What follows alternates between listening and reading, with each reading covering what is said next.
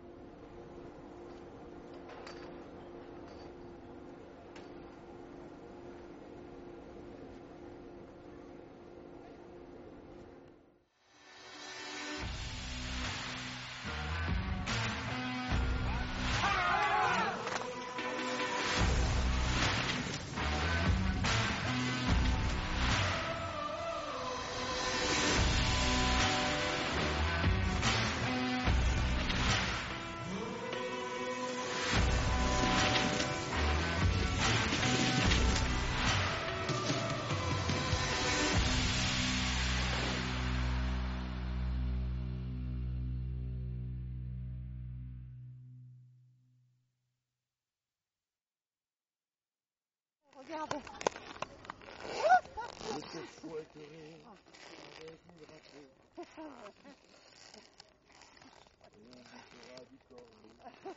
Lower right hand corner. Good morning, ladies and gentlemen. We are coming at you live from Pralou, France, the third stop on the World Cup Tour. My name is Monica Delaveau. I'll be the English commentator for today's race, and I'm joined with Jan Sieber, who will be doing it in French. Good morning, Jan. Bonjour Monica et bienvenue à tous à Pralot pour la troisième étape de la Coupe du Monde de Télémark.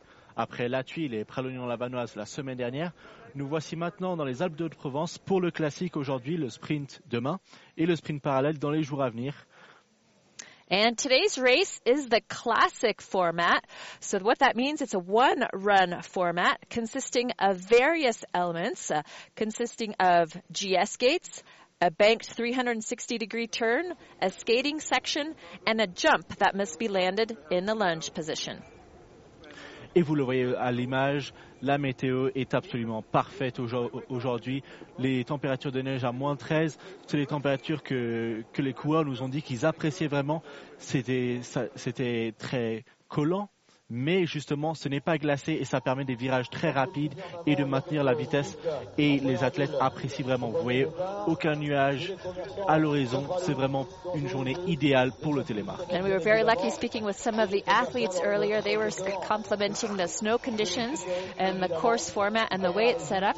The snow is very hard packed, which is good for them without being icy. So they're really looking forward to some hard, fast skiing out there today. We could see from the screen here race director Andrea, technical delegate Adrian, and the course was set by the Swiss coach Rudy. Et oui, un cours qui a été un cours qui a été mis justement par le coach suisse, donc on peut s'attendre à des, un cours très technique avec beaucoup de vitesse. Et justement, il faudra trouver cet équilibre entre la vitesse et la technique. L'équilibre toujours être en train de pousser, ne jamais se relâcher sur ce cours. Et on a parlé au coach français Julien Hannequin justement qui nous a dit que il ne faut pas faire l'erreur de, de, de, rester sur l'arrière lors du skating parce que pour autant que on soit fatigué, il y a quand même 50 portes, c'est très long. Il ne faut pas se laisser aller parce que justement c'est à ce moment-là qu'on va se faire avoir et qu'on va perdre de la vitesse. Donc il faut toujours pousser sur les jambes et ça va être un effort incroyable pour les athlètes aujourd'hui. And we could see at the stop of the start house, here's the image. The first racer who will be taking the course is Chloe Blythe from France. We can see her giving a high five to one of the the delegates up there at the start house wearing bib number one. Chloe comes from Chamonix, France. Uh, she is a dual citizen French and British, but she's chosen to race for the French team. Reason being, she grew up in France. Her heart is in France. She does her studies, however, in the UK, studying uh, philosophy, politics, and economics at the London School of Economics and Political Science.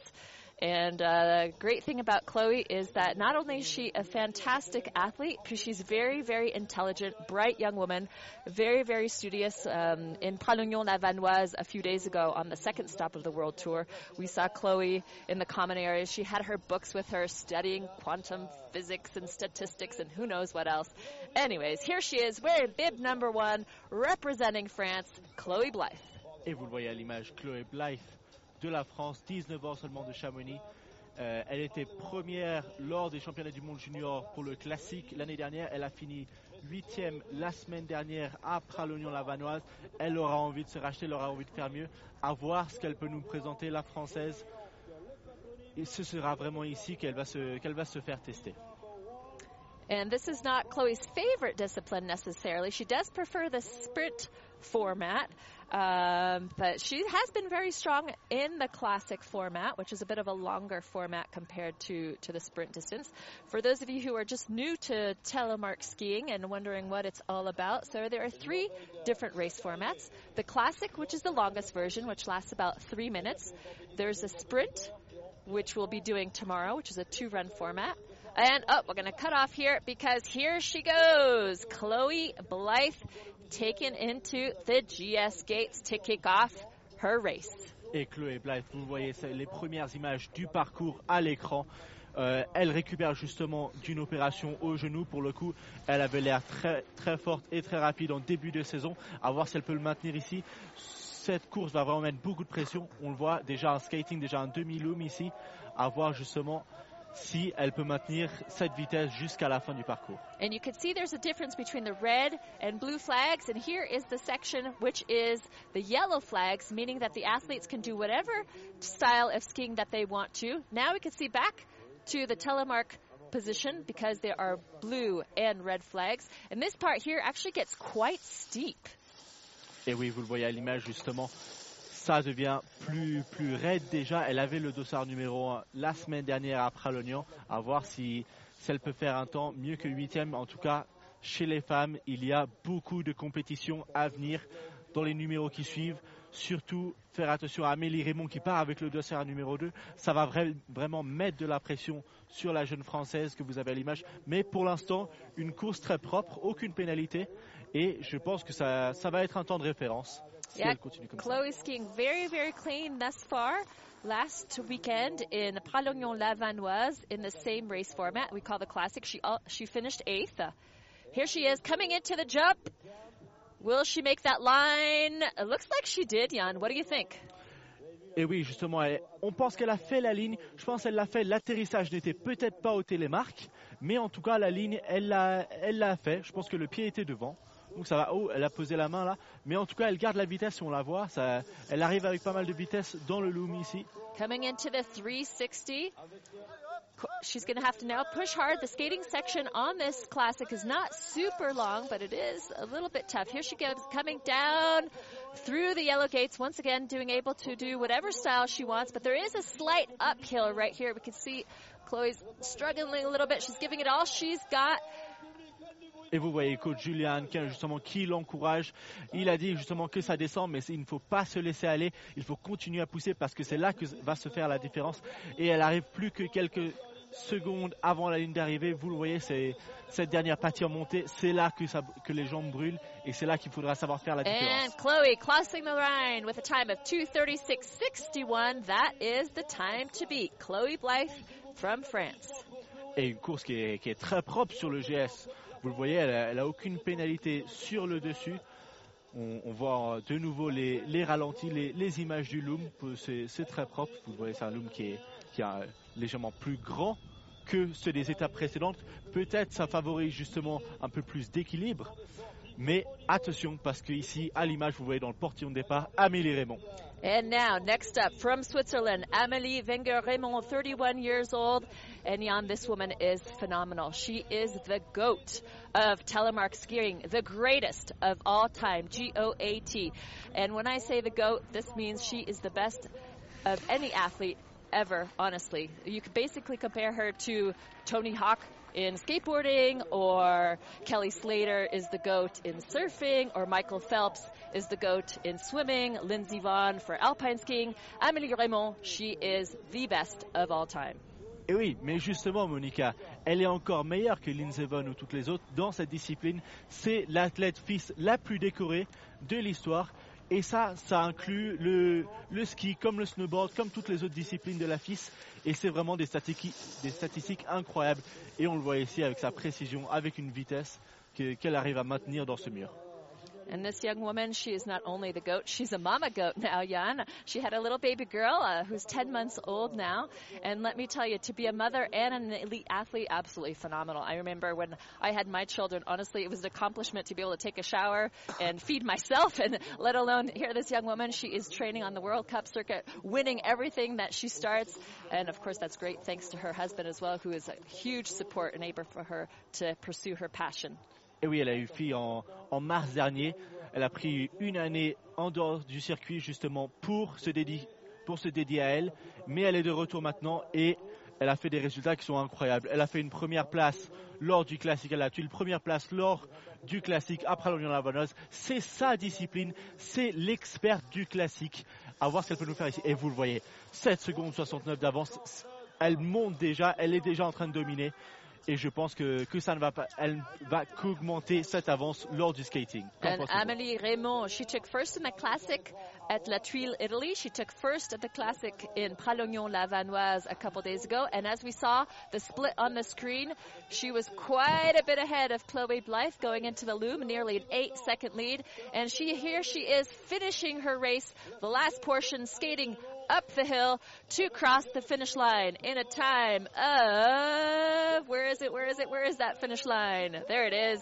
In the 225.72, nearly 12 seconds ahead of Chloe Blythe. Good job, Amélie. presque 12 secondes d'avance. Elle avait une petite pénalité sur l'atterrissage de saut. Elle n'a pas atterri en télémarque, mais pour le coup, c'est minime comme erreur, c'est minime. Et justement, cet atterrissage, ça lui a permis de vraiment garder cette ligne propre, parce que vous l'avez vu à l'image, la porte rouge est, est plus excentrée et du coup il faut vraiment faire attention de ne pas se faire avoir sur cet atterrissage et c'est peut-être une petite stratégie de d'atterrir en ski alpin.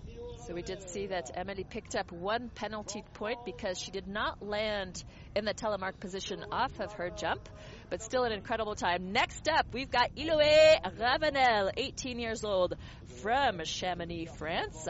Et Iloé Ravenel, 2 à l'image 18 ans seulement de Chamonix. C'est sa deuxième année sur le circuit. Euh, elle dit que le classique, c'est sa discipline favorite. À voir ce qu'elle peut faire. Pour le coup, ça va vraiment être un test pour elle parce que l'endurance, c'est quelque chose qu'à cet âge, on n'a pas forcément, ainsi que l'expérience.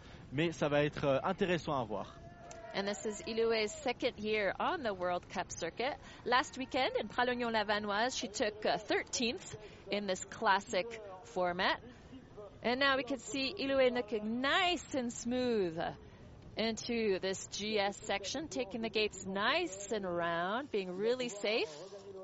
Et oui, elle, est, elle était 13e la semaine dernière lors du, du classique après l'Union la Baneuse. C'était sa première course de la saison. Peut-être que justement, elle veut bâtir sur ça. On espère qu'elle peut faire mieux. Elle veut des top 10 à chaque course. Elle nous a dit des bons résultats et aller au championnat du monde junior. On sait qu'elle en est capable. À voir justement si elle peut concrétiser ça aujourd'hui. Ce ne sera pas facile, mais pour l'instant, une course qui est, très propre sur le dessus. Euh, elle prend des, virages un peu, grands là, mais c'est propre, c'est propre. Yeah, Ilue's goals for this 2019 season is to be selected by the coach to be able to go compete at the Junior World Championships. So this race is really, really important to her. She's not competing in all of the World Cup races because she's a junior. She's only competing in two. So it's really important to her that she performs well here today. I saw her earlier in the stress levels. Oh, a little bit of a mistake there. Her stress levels were quite high. She knows that this race is important to her. Et on l'a vu, Monica, justement, en sortant du saut, il y a beaucoup de vitesse. Il faut vraiment, anticiper cette porte rouge sur le côté. Et avec la vitesse de la ligne droite avant le saut, ça va être difficile pour les coureurs. Mais, et on l'a vu justement avec Iloué Ravanel à l'image qui s'est fait peut-être propulser un peu sur l'arrière. Elle s'est fait avoir peut-être avec un peu trop de vitesse, mais elle garde. Et, et oui, elle n'a pas fait la ligne malheureusement pour elle, mais elle continue et c'est ici qu'il faudra pousser. And we see from the bottom right hand corner of our screen, Iloe has picked up five penalty points. Uh, one for a gate error and four off of the jump. The four means that she did not land in telemark position and that she did not make the line. We can see her coach Julian coming around the bend there, cheering her on, encouraging her to push as hard as she can up this hill, up to this last 25 meters or so to cross the finish line at a time of 249.23 for Iloé Ravanel. Et vous vous demandez peut-être à la maison pourquoi est-ce que ils doivent euh, atterrir en télémarque. Et bien justement, c'est parce qu'en en atterrissant en télémarque, vous voyez ici justement la force, la pression du saut et tout, toute l'énergie accumulée lors de l'atterrissage part sur le côté, à l'inverse de justement au ski alpin quand elle reste dans les jambes. Et, c'est vraiment quelque chose qui, qui facilite justement cette prise de vitesse. Euh, et oui, et, merci à Albin de pouvoir de m'avoir indiqué ça parce que je ne le savais pas auparavant. Et alors qu'à l'image, Julie Bourbon, seulement 17 ans, elle s'est fait un peu avoir sur le haut du parcours ici, mais elle garde la vitesse. On espère que qu'elle pourra garder le rythme. And now Julie Bourbon representing France wearing bib number 4. This loom here, it's not actually considered a full loom. It's more of a banked turn, turn, excuse me, because for the actual loom, a 360 turn, the racers do need to cross their tracks coming out of the loom. So that one is just a little half loom, I'd say. Um, but there are two of them, and that definitely tests the racers in regards to their stability and the force that they have in their legs. Because coming into those looms, your legs are burning, burning, burning, burning. So it does test their strength and ability to hold on.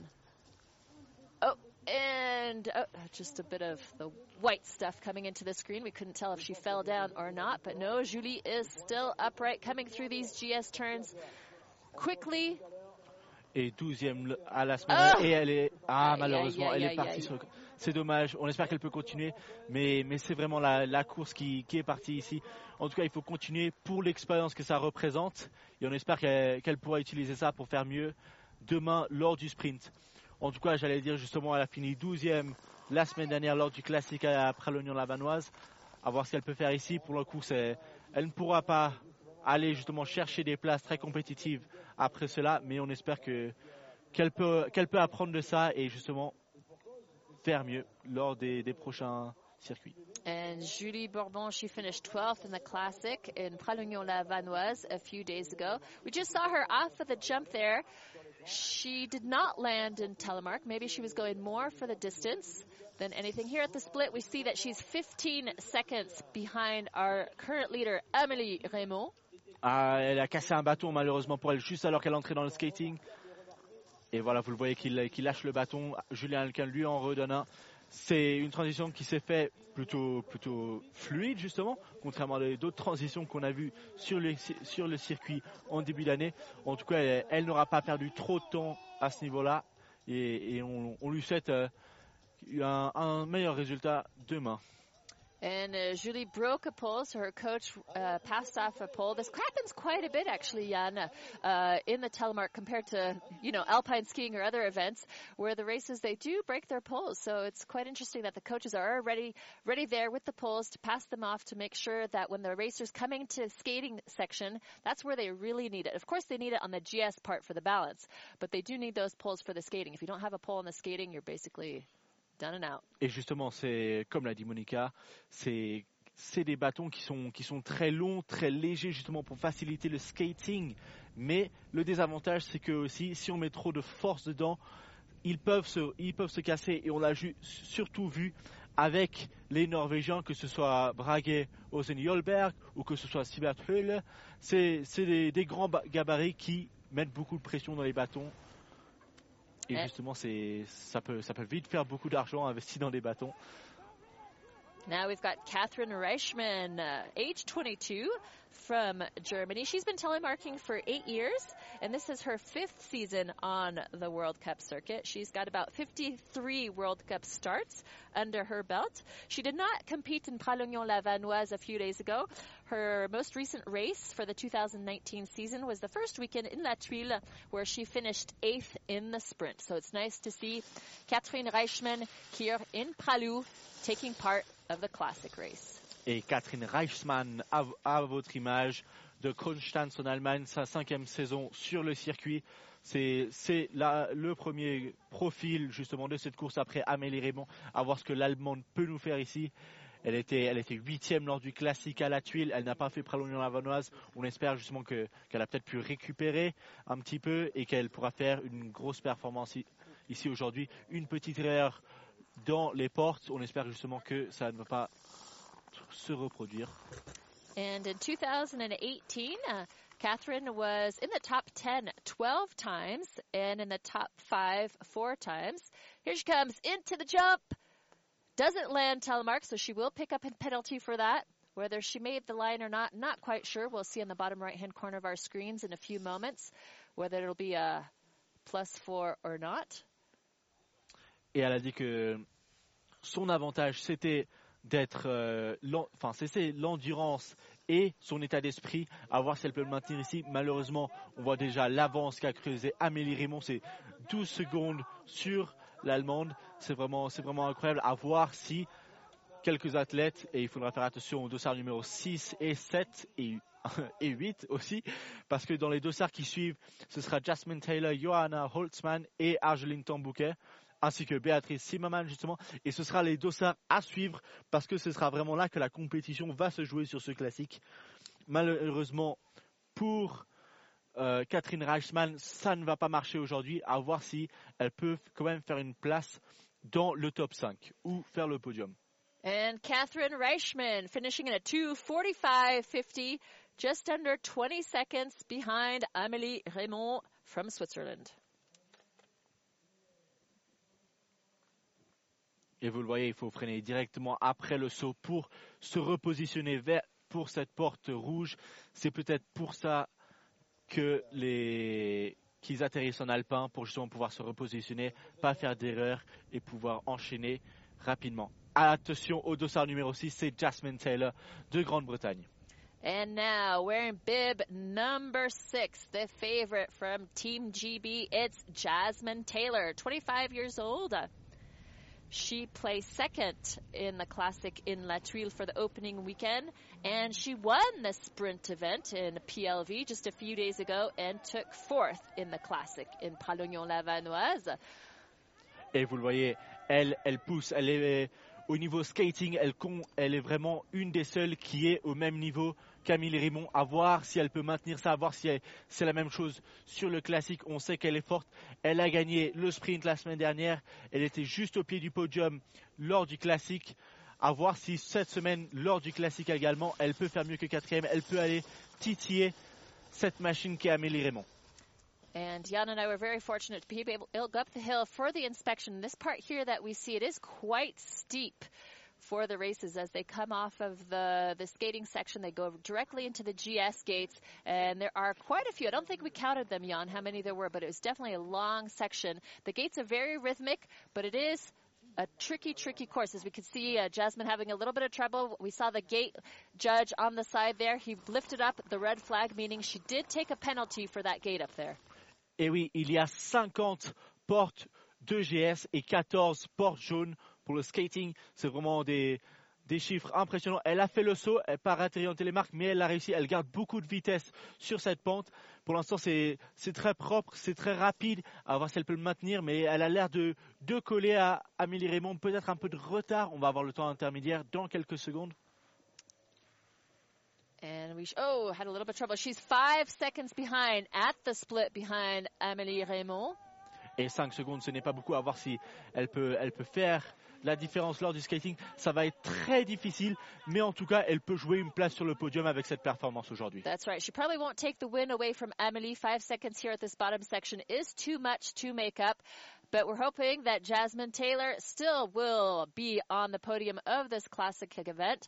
But she's got some heavy hitters who are lined up after her with Joanna Holzman as well as Argeline Tambouquet, Beatrice Zimmerman. Those women, they are strong. So maybe Jasmine will be on the box. Maybe she won't. Exciting racing. Stay with us to find out. And she places second currently behind Amélie Raymond. et elle a pris environ deux secondes de plus. Elle a perdu deux secondes sur le skating. Ça vous montre la différence. Alors qu'au début, on vous avait dit justement que le skating était un de ses points forts cette saison.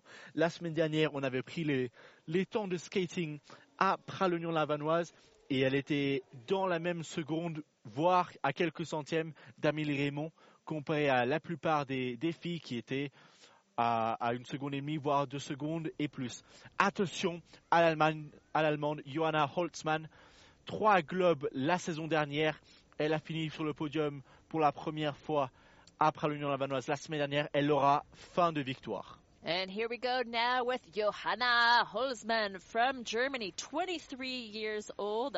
She was the first overall last year's in the 2018 season. She took second overall in the classic, first overall in the sprint, first overall in the parallel sprint.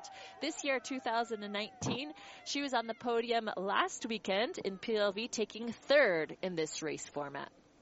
Et oui, la première du classement général l'année dernière.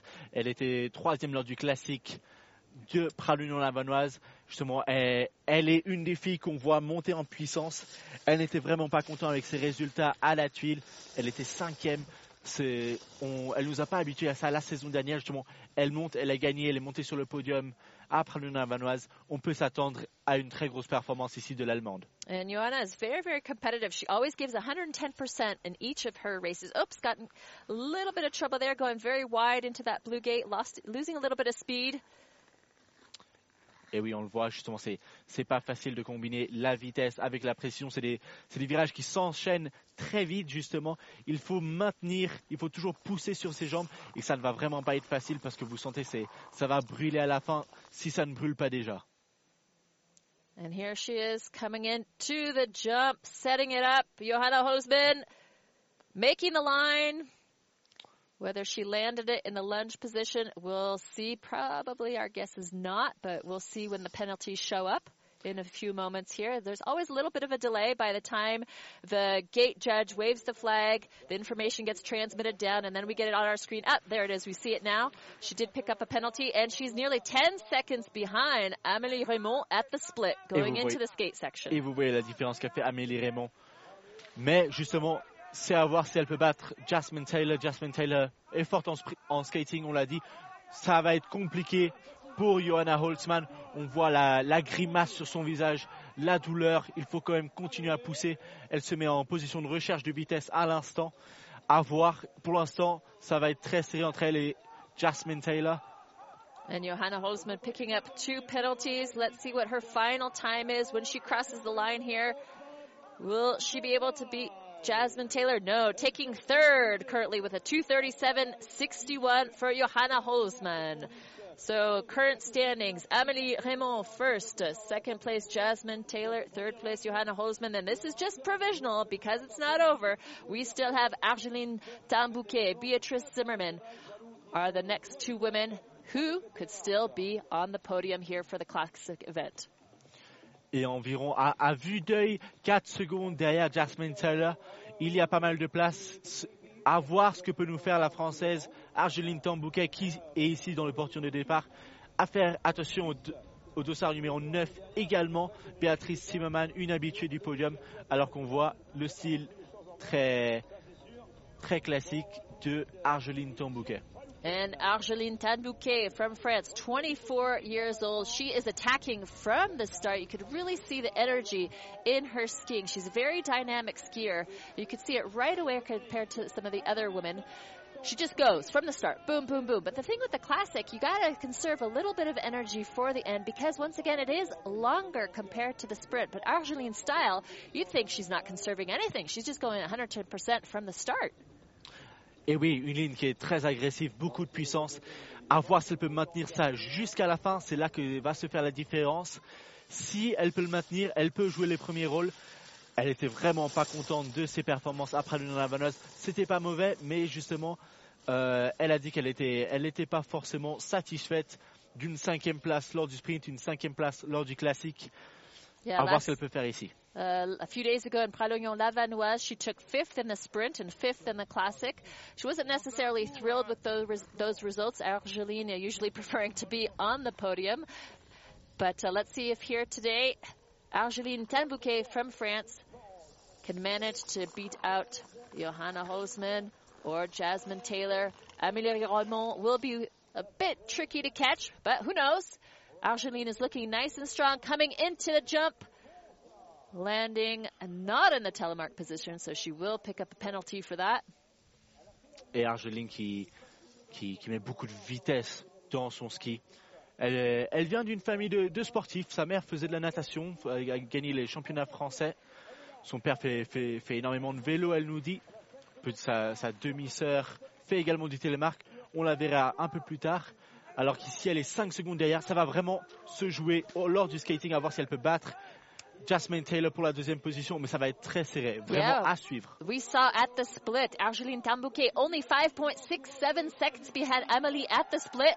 This means that she has a spot, well, a very good shot for a spot on the podium. Let's see how she finishes this skating section. She's got to go hard to beat out Johanna Hosman and Jasmine Taylor. Allez, Argeline. Et quatre pénalités, ça va vraiment se jouer à ça. C'est et une troisième position. Je pense que c'est malheureusement pour elle, je pense que c'est peut-être les pénalités sur les portes qui vont lui coûter, mais ça reste une, euh, une très bonne course. Troisième position sur le podium pour l'instant. À voir ce que peut nous faire Béatrice Zimmermann. And she finished in a 235.84, currently placing her in third place. But once again, Beatrice Zimmerman is still to ski, as well as Guro Helde Schulseth. from Norway. And now, wearing bib number eight. No, excuse me, wearing bib number nine, Beatrice Zimmerman. Et Béatrice Zimmerman, deuxième lors du classique après l'Union Lavanoise, troisième lors du sprint. C'est une des filles auxquelles il faudra faire attention. Elle était quatrième à la tuile. On voit que ses résultats sont en constante progression. À voir ce qu'elle peut nous faire ici. Aussi une fille très agressive, très rapide. And the Swiss team has a lot of depth. Beatrice Zimmerman, she finished uh, second in Pralognon Lavanoise in this race format a few days ago. She took third in the sprint. Each weekend she's getting stronger and stronger. The opening weekend in La Tuile in Italy, she finished fourth in the classic and fifth in the sprint. So as the weekends progress, Beatrice is looking better and better. Let's see if maybe she can get a, a first or, well, uh, it'll be hard to beat Amelie, but anything is possible. Et oui, quatre victoires en Coupe du Monde, plus de 30 podiums. Euh, elle peut faire un résultat très convaincant. Ce sera difficile d'aller chercher Amélie, mais une place sur le podium est largement jouable aujourd'hui.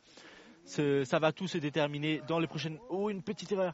À voir justement si elle peut maintenir. Ça va lui coûter, ça, ça va lui coûter. C'est dommage pour elle, mais elle a la vitesse, elle maintient. À voir justement si elle peut maintenir ça sur le bas du parcours. All right, bit of a mistake we saw back there on the steep section. Here she is coming into the jump, knocking that red gate out of the way. Hup. Uh, not sure about that. Probably pick up a little bit of penalties, a few penalties for the. Not sure if she made the line. We'll see on the bottom of our screen. A few moments. Une pénalité de porte. Peut-être aussi une pénalité pour l'atterrissage. À voir, ça va, ça va s'afficher très bientôt. Euh, trois, seulement trois secondes derrière. Et vous l'avez vu justement, une fille qui peut jouer les premiers rôles. C'est pour l'instant, la deuxième, elle est très proche d'Amélie Raymond. Est-ce qu'elle peut rattraper ou faire mieux sur skating. What an incredible split. Only 3.14 seconds behind Amélie Raymond going into the loom. She is really, really fast, even with that little, a little error that she made earlier. Beatrice Zimmerman, she's going to be on the podium once again. Come on, Bea, let's finish it. This part here, very hard. The racers are tired. They're into two minutes and 30, 30 seconds of racing, and they've got to finish this skate section going uphill. And let me tell you, their bindings, their skis, their boots are feeling heavy. She crosses into 238.65. Oh no! Sixth place. What happened there? That was, it's the penalties. Eh oui, Monica, justement, c'est les pénalités. Ah. Elle a eu 6 secondes de pénalité. C'est ici que tout s'est joué. Malgré sa terreur que vous voyez à l'image, elle était 3 secondes derrière, ça s'est vraiment joué à rien. Et là, vous le voyez justement un peu en arrière. Elle n'a pas atterri les marques. C'est vraiment dommage pour elle, mais c'est vraiment quelque chose auquel il faudra, il faudra revisionner ça et améliorer parce que sans les pénalités, elle jouait vraiment les premières places du podium. Oh yeah, definitely. Without those penalties, she definitely would have been on the box today. She was skiing fast. But now, moving on to Lola Mostero from France, 18 years old. This is her second year skiing on the World Cup circuit et une autre de l'avant-garde française, Lola Mostero, de Crozet dans le Jura Gessien, seulement 18 ans. Euh, elle a fait des résultats convaincants en championnat du monde junior. Justement, elle était troisième lors du classique. Elle n'était pas très satisfaite de ses performances en championnat du monde jusqu'à maintenant. À voir si elle peut faire mieux. Elle a vraiment les capacités. And Lola really likes skiing in the gates. That's one of her strengths. Uh, uh, she finished 10th last uh, weekend in uh, Pralognon Lavanoise in the classic and 13th in the sprint. Uh, even though she's pretty good at the gates, she does say that the parallel sprint is her favorite. That parallel sprint definitely got the, the gates and the fight. And it's exciting racing. When we are going to be having the parallel sprint on Friday, uh, Thursday actually, because originally we were planning on having the parallel sprint on Friday, but the weather's looking uncertain and a bit iffy for later in the week. So the the technical delegates have been umming and ahhing about uh, switching the race date, bring it forward a day. So unofficially, we might be having the parallel sprint on Thursday. We will keep you posted on that. Et oui, apparemment, sur la météo, on voit que vendredi, ce ne sera vraiment pas possible de faire une course. Il prévoit beaucoup de neige jeudi soir et vendredi, donc ce sera compliqué d'avoir le sprint parallèle. Pour l'instant, c'est prévu que ce soit jeudi, ce sera confirmé ce soir. Euh, on, on, confirmera ça peut-être via l'Instagram de Fils Télémarque. Si vous n'êtes pas encore un follower, n'hésitez pas, il y a vraiment beaucoup de, de contenu à suivre, des interviews ainsi que, que les listes de départ et les, et les résultats. Alors qu'ici, Lola Mostero, 16 secondes 30 en arrière, ce n'est pas mauvais. Elle peut encore jouer le top 10. Il faut vraiment continuer ici et, ne pas se laisser avoir sur ce, skating qui est en descente. Vous le voyez, elle, elle secoue la tête, elle n'est pas contente à l'instant. On espère pour elle qu'elle peut continuer à pousser, qu'elle ne va pas se faire avoir et jouer un top 10. Lola Mostero, 16 seconds behind Amelie at the sprint. We can see from the bottom right hand side, she's picking up six penalties also, two at the gates and four off of her jump. Those four off the jump means that she did not make the line and she did not land in the telemark lunge position. And here she comes, Lola Mostero from France, giving it all she's got. There's not much left in the tank, but she crosses in a time of 2:52.24, 26.52 seconds behind the leader, Amélie Raymond. Et une dixième position. C'est dommage les pénalités, mais en tout cas, ce n'est pas un ce n'est pas mauvais, c'est vraiment quelque chose qui, sur lequel elle pourra bâtir, c'est une expérience qu'elle pourra utiliser et c'est un nom dont il faudra se souvenir dans les saisons qui viennent parce qu'elle a le potentiel d'aller de jouer les premiers rôles dans quelques saisons. Il faudra faire attention justement à ces jeunes Français alors que vous avez le classement provisoire à l'image. Amélie Raymond, Jasmine Taylor, Argeline Tambouquet, suivi de Chloé Blythe devant Johanna Holtzmann et Béatrice Zimmermann. Pour l'instant, Chloé Blythe qui vient chercher son meilleur résultat en Coupe du Monde, à voir si quelqu'un pourra la détrôner, mais ça va être compliqué. Peut-être Guro Helde Hjolsef avec le dossard numéro 13. Ici, Antonia Kneller d'Allemagne. And here we go with Antonia Kneller, 17 years old from Germany. She has nine World Cup starts, her first one being back in December in Hinterfuchs, Austria in 2017. And I believe this is her first World Cup start of the 2019 season. She definitely was not in Pralognon-la-Vanoise uh, last weekend, and I don't think she was in that tree either. Et oui, je peux vous confirmer ça, Monica, justement. Elle n'était pas à la tuile ni après l'Union Havanoise. C'est son premier départ en Coupe du Monde. Cette saison, elle en avait fait neuf dans les saisons précédentes. À voir ce qu'elle peut nous faire ici, la jeune Allemande. And even though she's a young skier with not too much World Cup experience, she's had really good results. She's been in the top 20 in all of her races of her first year. Et oui, dans le top 20 de toutes ses courses, sa première année, c'est une skieuse qui, qui a un peu de confiance, à voir ce qu'elle peut faire ici. Mais pour l'instant, ce n'est pas loin de ce que fait, de ce un style qui a ses similarités. Et pour l'instant, c'est très propre. Aucune pénalité sur les portes. À voir ce qu'elle fait dans le saut qui va arriver dans quelques instants. And Antonia Neller looking nice and clean. Taking it smooth, going nicely around those gates, not taking any risks by cutting them short. And here she is coming into the jump. Let's see if she goes for the line or if she chooses to land it. No, she did not choose to land in telemark position. Was trying more for the line. I'm not sure if she made the line, however. Et oui, euh, elle avait l'air un peu courte sur le saut. Encore une fois, un atterrissage en alpin. Il faudra voir si quelqu'un aujourd'hui nous fait un atterrissage en télémark. Ce sera compliqué avec cette porte rouge.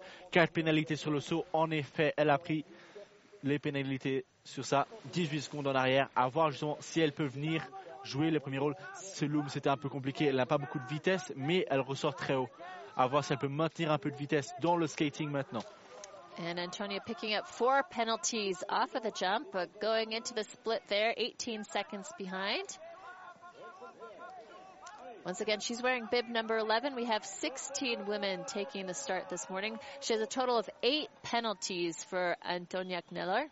Et huit pénalités, ça va vraiment peser sur son temps. C'est dommage.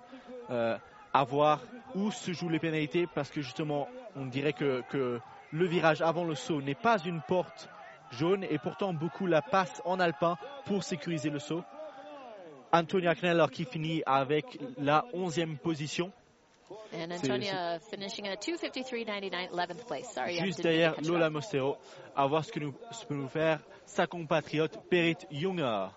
And next up, uh, Berit Junger, 19 years old from Germany. She finished 11th in the classic in, in Pralognon-la-Vanoise a few days ago and 10th in the sprint in Pralognon-la-Vanoise. Et oui, Berit Junger, seulement 19 ans, deuxième saison sur le circuit. Son avantage, son avantage, c'est le, euh, le géant. À voir si elle peut justement concrétiser ça. On la voit qui arrive sur le saut à l'instant. Pour l'instant, aucune pénalité. À voir si elle peut en atterrissage. Ça avait l'air aussi un peu court de la part de Berit. And this course could be to Barrett's advantage. She is good at the giant slalom. She says that's personally her best uh, strength. And once again, telemark skiing combines so many different elements. Of course, you have the skiing, you have the jumping, you have the skating, um, and of course this loom that we're seeing now. So it's not like alpine skiing where you just got to find a rhythm and, and go for it. There's you're you're really playing with the, the fatigue factor, especially here at the bottom section, which the course setters always kind of have a tendency to leave the, the skating for the end, really making it grueling and hard. Also, about the, the logistics that go into place as well. You know, setting these courses. Uh, oftentimes they do have to set the skate at the very end to make it spectator friendly for all the tourists and the people down at the bottom so we can see the action live and see the sweat and fatigue up front and personal from the athletes, their faces. And we'll see now Barrett Younger, Younger Barrett, uh, 19 years old, crossing in a 246.30, ninth place for her. That's pretty good. Et justement, j'allais dire, elle vient bousculer ce top 10. Elle avait seulement trois pénalités. Elle a atterri en télémarque et ça a fait la différence pour le ski, ski très propre de sa part. Alors qu'ici, vous avez Kuro Helde Scholzef à l'image. Uh, not sure, actually. Looks like bib number 15. Ah oui. Et oui, c'est Camille Bourbon à l'image.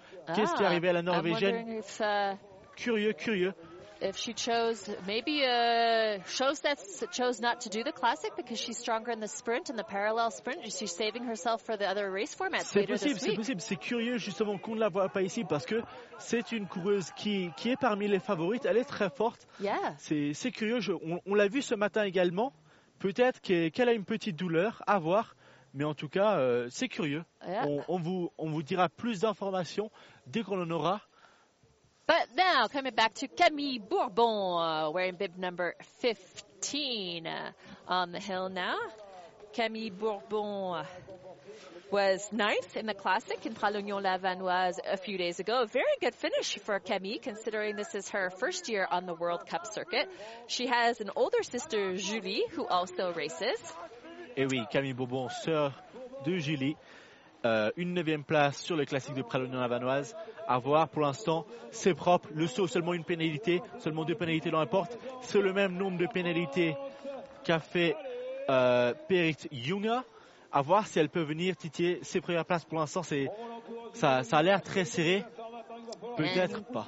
Camille Bourbon. We can see Julien, the French coach, on the side, running alongside her. He's always got that extra pull just in case. And Camille Bourbon finishing at 248.56. Top 10 finish for Camille. Very nice. Et Camille qui vient, qui vient pousser du top 10 sa compatriote Lola Mostero. Pour l'instant, un triplé français autour du top 10. Alors qu'à l'instant, vous avez Lali Chochpra à l'image. 20 ans pour la française. Qu'est-ce qu'elle peut nous faire aujourd'hui And our final woman on the hill here, it's Lali Chochprat, 20 years old from Passy, France. This is her first year on the World Cup circuit. She did participate in the Pralognon-Lavanoise events a few days ago. She took 14th in the classic and 15th in the sprint. Her personal strength in the sport are the giant and the jump. Let's see if on this jump, yeah, she made the line, I'd say. I don't know if she landed it in telemark. Jan, you're shaking your head. You're not quite sure. No, I, I think she landed it. She just looked bringing a lot of speed into that turn. Oh, and you Oh, can yes, see it there. right, that yeah. cost her. She brought a lot of speed, and that was a very tight turn just before these giant gates. Uh, have to see. I think she lost a bit of time there. 16 seconds. Alors, on, va, on va changer les rôles. C'est moi qui va faire en français là maintenant, hein, on confond. Hein. Donc, elle a perdu elle, a 16 secondes derrière Amélie Raymond. Voilà, on retourne. Toi, tu fais français, moi, je fais anglais. Je suis plus à l'aise en, en anglais. Vas-y, Yann. D'accord. Euh, et justement, elle n'a pas de point fixe cette année. Euh, c'est une de ses premières courses. Elle a couru la semaine dernière à Pralognon. À voir si elle peut venir chercher une place. Seulement trois pénalités. Ce n'est pas mauvais de la part de Lali. And Lali picking up uh, three penalties, one on the jump for not landing in telemark. So she did make the line, and she picked up two gate penalties. And here she is, Lali! coming into the final 10 meters of her race. Allez, Lali. Allez, allez, allez, allez. And she finishes, oh, in a 255.43. 29 seconds behind Amélie Raymond who is our winner here in Pralou. Et oui, vous voyez la difficulté de ce parcours à l'image. Là, les Chochepras, justement, ça, ça illustre vraiment les ressources dans lesquelles il faut puiser, alors que vous avez justement à l'image les résultats. Amélie Raymond qui vient s'imposer une nouvelle fois dans un classique. Un palmarès qui, qui continue à s'étendre, c'est incroyable de la part de cet athlète. So the podium, ladies and gentlemen, Amélie Raymond from Switzerland on the top step, Jasmine Taylor from the UK second place, and Argeline Tanbouquet in third, and not far behind, a personal best for Chloe Blythe, fourth place. Nice work for Chloe out there today. Et oui, euh, quatrième place pour Chloé Blythe qui vient, qui vient battre euh, Holtzman et Zimmerman. Justement, c'est un, un meilleur résultat dans la carrière de la jeune, de la jeune française à voir. Ça, ça promet à voir si elle peut faire le reste de ce circuit. Et pour ceux à la maison justement qui, qui se demandent ce qui s'est passé, qui ont vu justement la liste de départ, pour Guru Helde on n'a pas de nouvelles. Par contre, on sait que, que Masa Strakel s'est tombée hier à l'entraînement. Elle s'est heurté la tête, une commotion justement. Elle ne pourra pas courir cette semaine. Elle pourra courir justement, elle pense, en Allemagne, à Bad Oberlang. Euh, elle va prendre une radiographie dans quelques jours, mais pour l'instant, on espère qu'il n'y a pas de séquelles pour la jeune. Elle avait l'air, elle avait l'air bien euh, hier, mais justement, c'est, c'est dommage pour la jeune Slovène.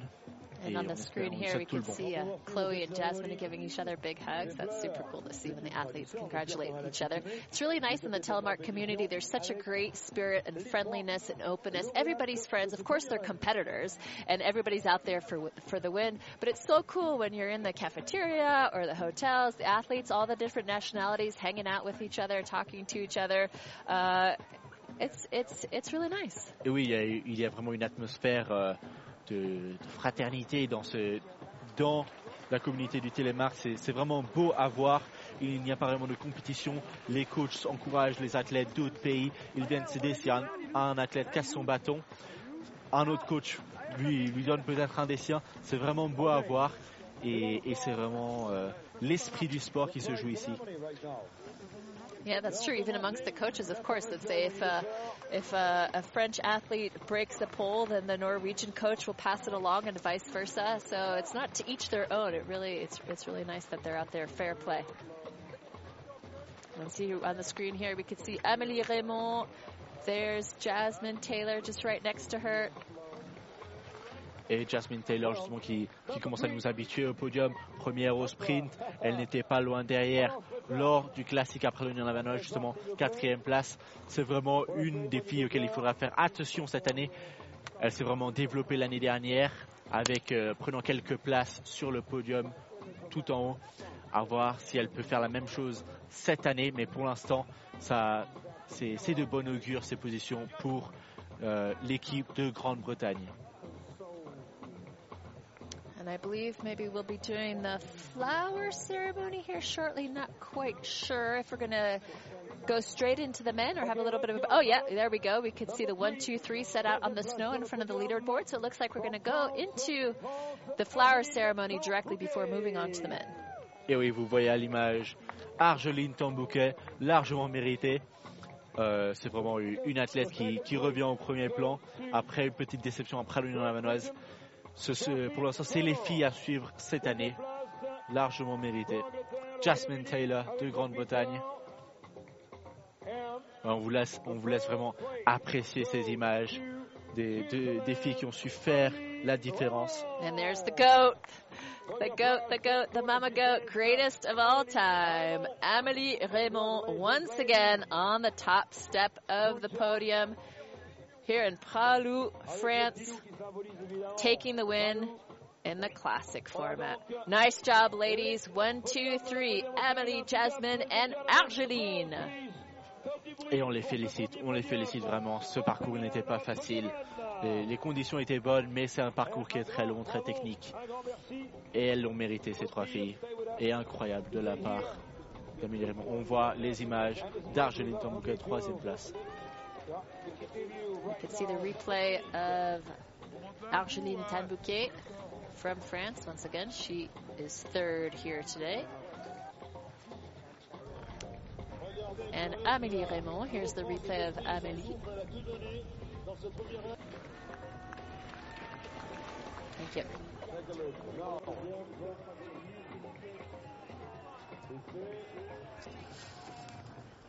Amélie Raymond, moins 7,69. C'est énormissime.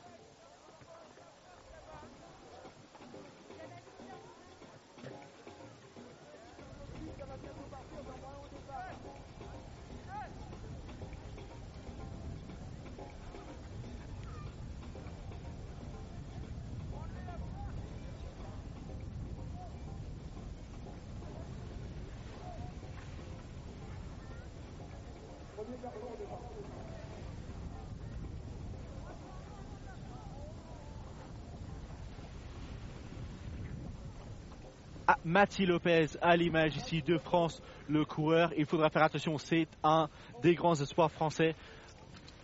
And now, ladies and gentlemen, here we are moving on to the men wearing bib number one on the hill from France. It's Maddie Lopez.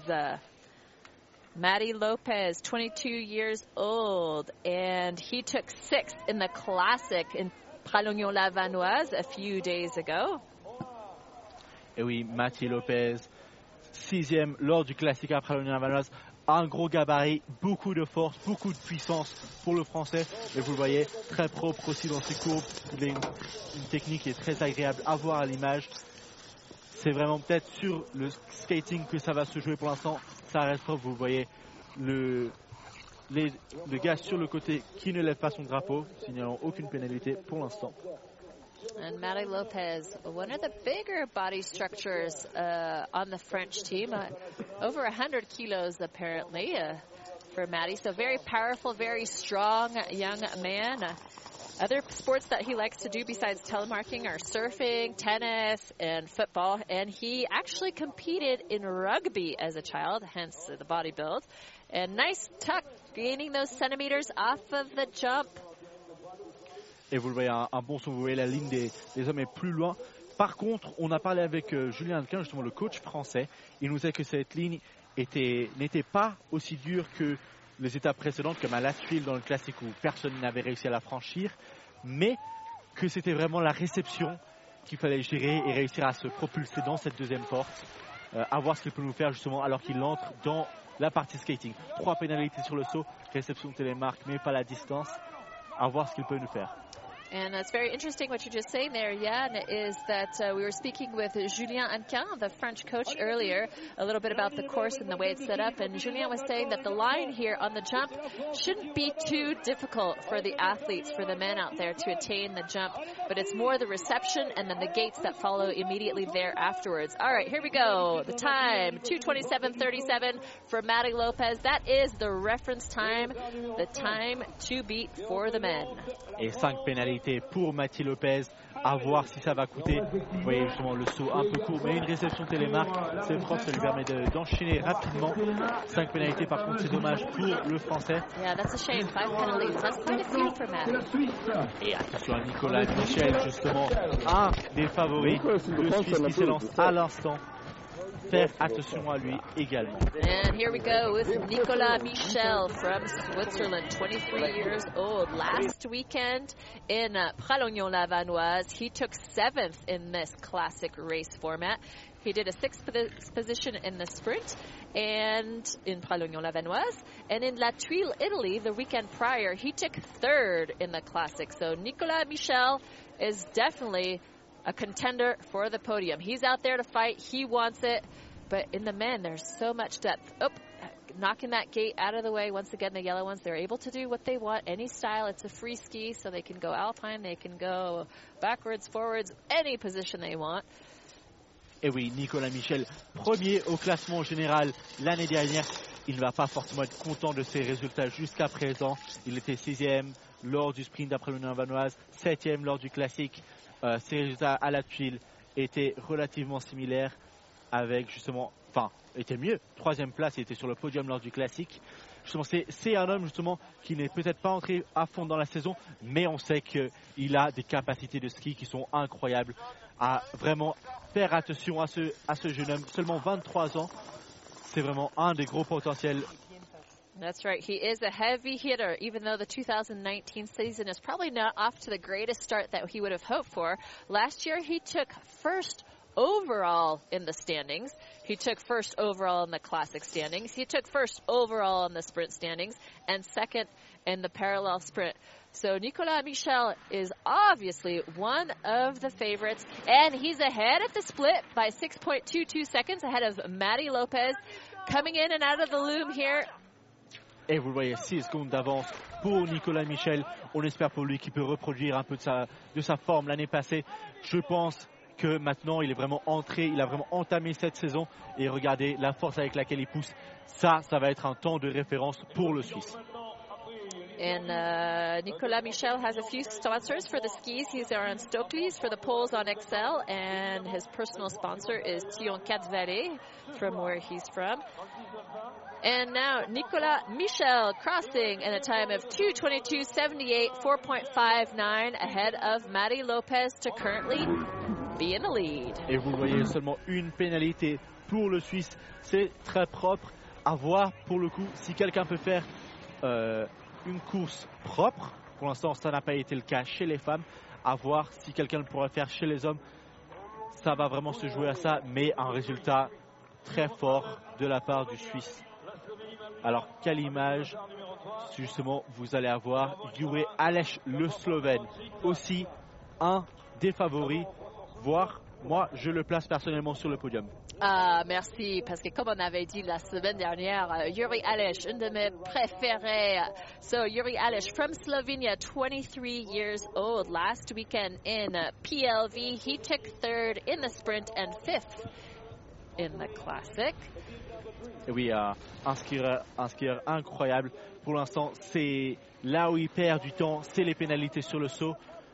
On, justement, son podium, il a seulement une troisième place, il a pris quatre pénalités sur le saut. Ça lui a coûté vraiment cher, mais s'il arrive à faire mieux aujourd'hui, il peut vraiment jouer les premières marches. Yuri Aleš très fort. Pas de doute que, que son grand frère Sasso va être en train de le regarder à la maison, qui court justement également. À voir ce peut nous faire le Slovène ici. And Yuri Aleš, he usually excels very, very well in the skating portions of the classic events. Uh, this classic doesn't have too much skating in comparison necessarily to other ones that were set up earlier this season. This course is definitely more GS heavy. Uh, but he's looking clean. He's got nice round lines, nice and smooth, no mistakes thus far from uh, Yuri. Et vous le voyez, il est très rapide dans ses virages. Il en tire sort. C'est une ligne très directe, mais très propre. Euh, si il avait, il disait que justement cette course allait vraiment puiser dans les jambes, ça allait vraiment brûler. C'était difficile. Si, si vous voulez voir euh, son interview, n'hésitez pas à aller regarder sur l'Instagram du, du télémarque de la FIS. Elle est là, elle est disponible. And we had a little interview with uh, Yuri Alesh. Uh, so, for those of you who'd like to see that interview, you can go on the Fizz Telemark Instagram page and see what Yuri had to say in regards to the course and the snow and his general feel of the race for the Classic today. So, Fizz Telemark on the Instagram to get more insight, information into the athletes and what's going on here. Et vous voyez justement, c'est c'est incroyable. Il est déjà à 2 secondes. Nicolas Michel l'a fait en 1,42. C'est vraiment incroyable à voir la différence qu'a fait le Suisse. Moi, justement, je pensais que Yuri Alech serait peut-être allé le chercher. Il a fait la différence, le Suisse. Deux pénalités pour Yuri. Pour- Pourra-t-il aller chercher quand même une place sur le podium? On l'espère pour lui. And he takes the lead uh, by 3.14 seconds. Yuri Alish from Slovenia beating out Nicolas oui. Michel.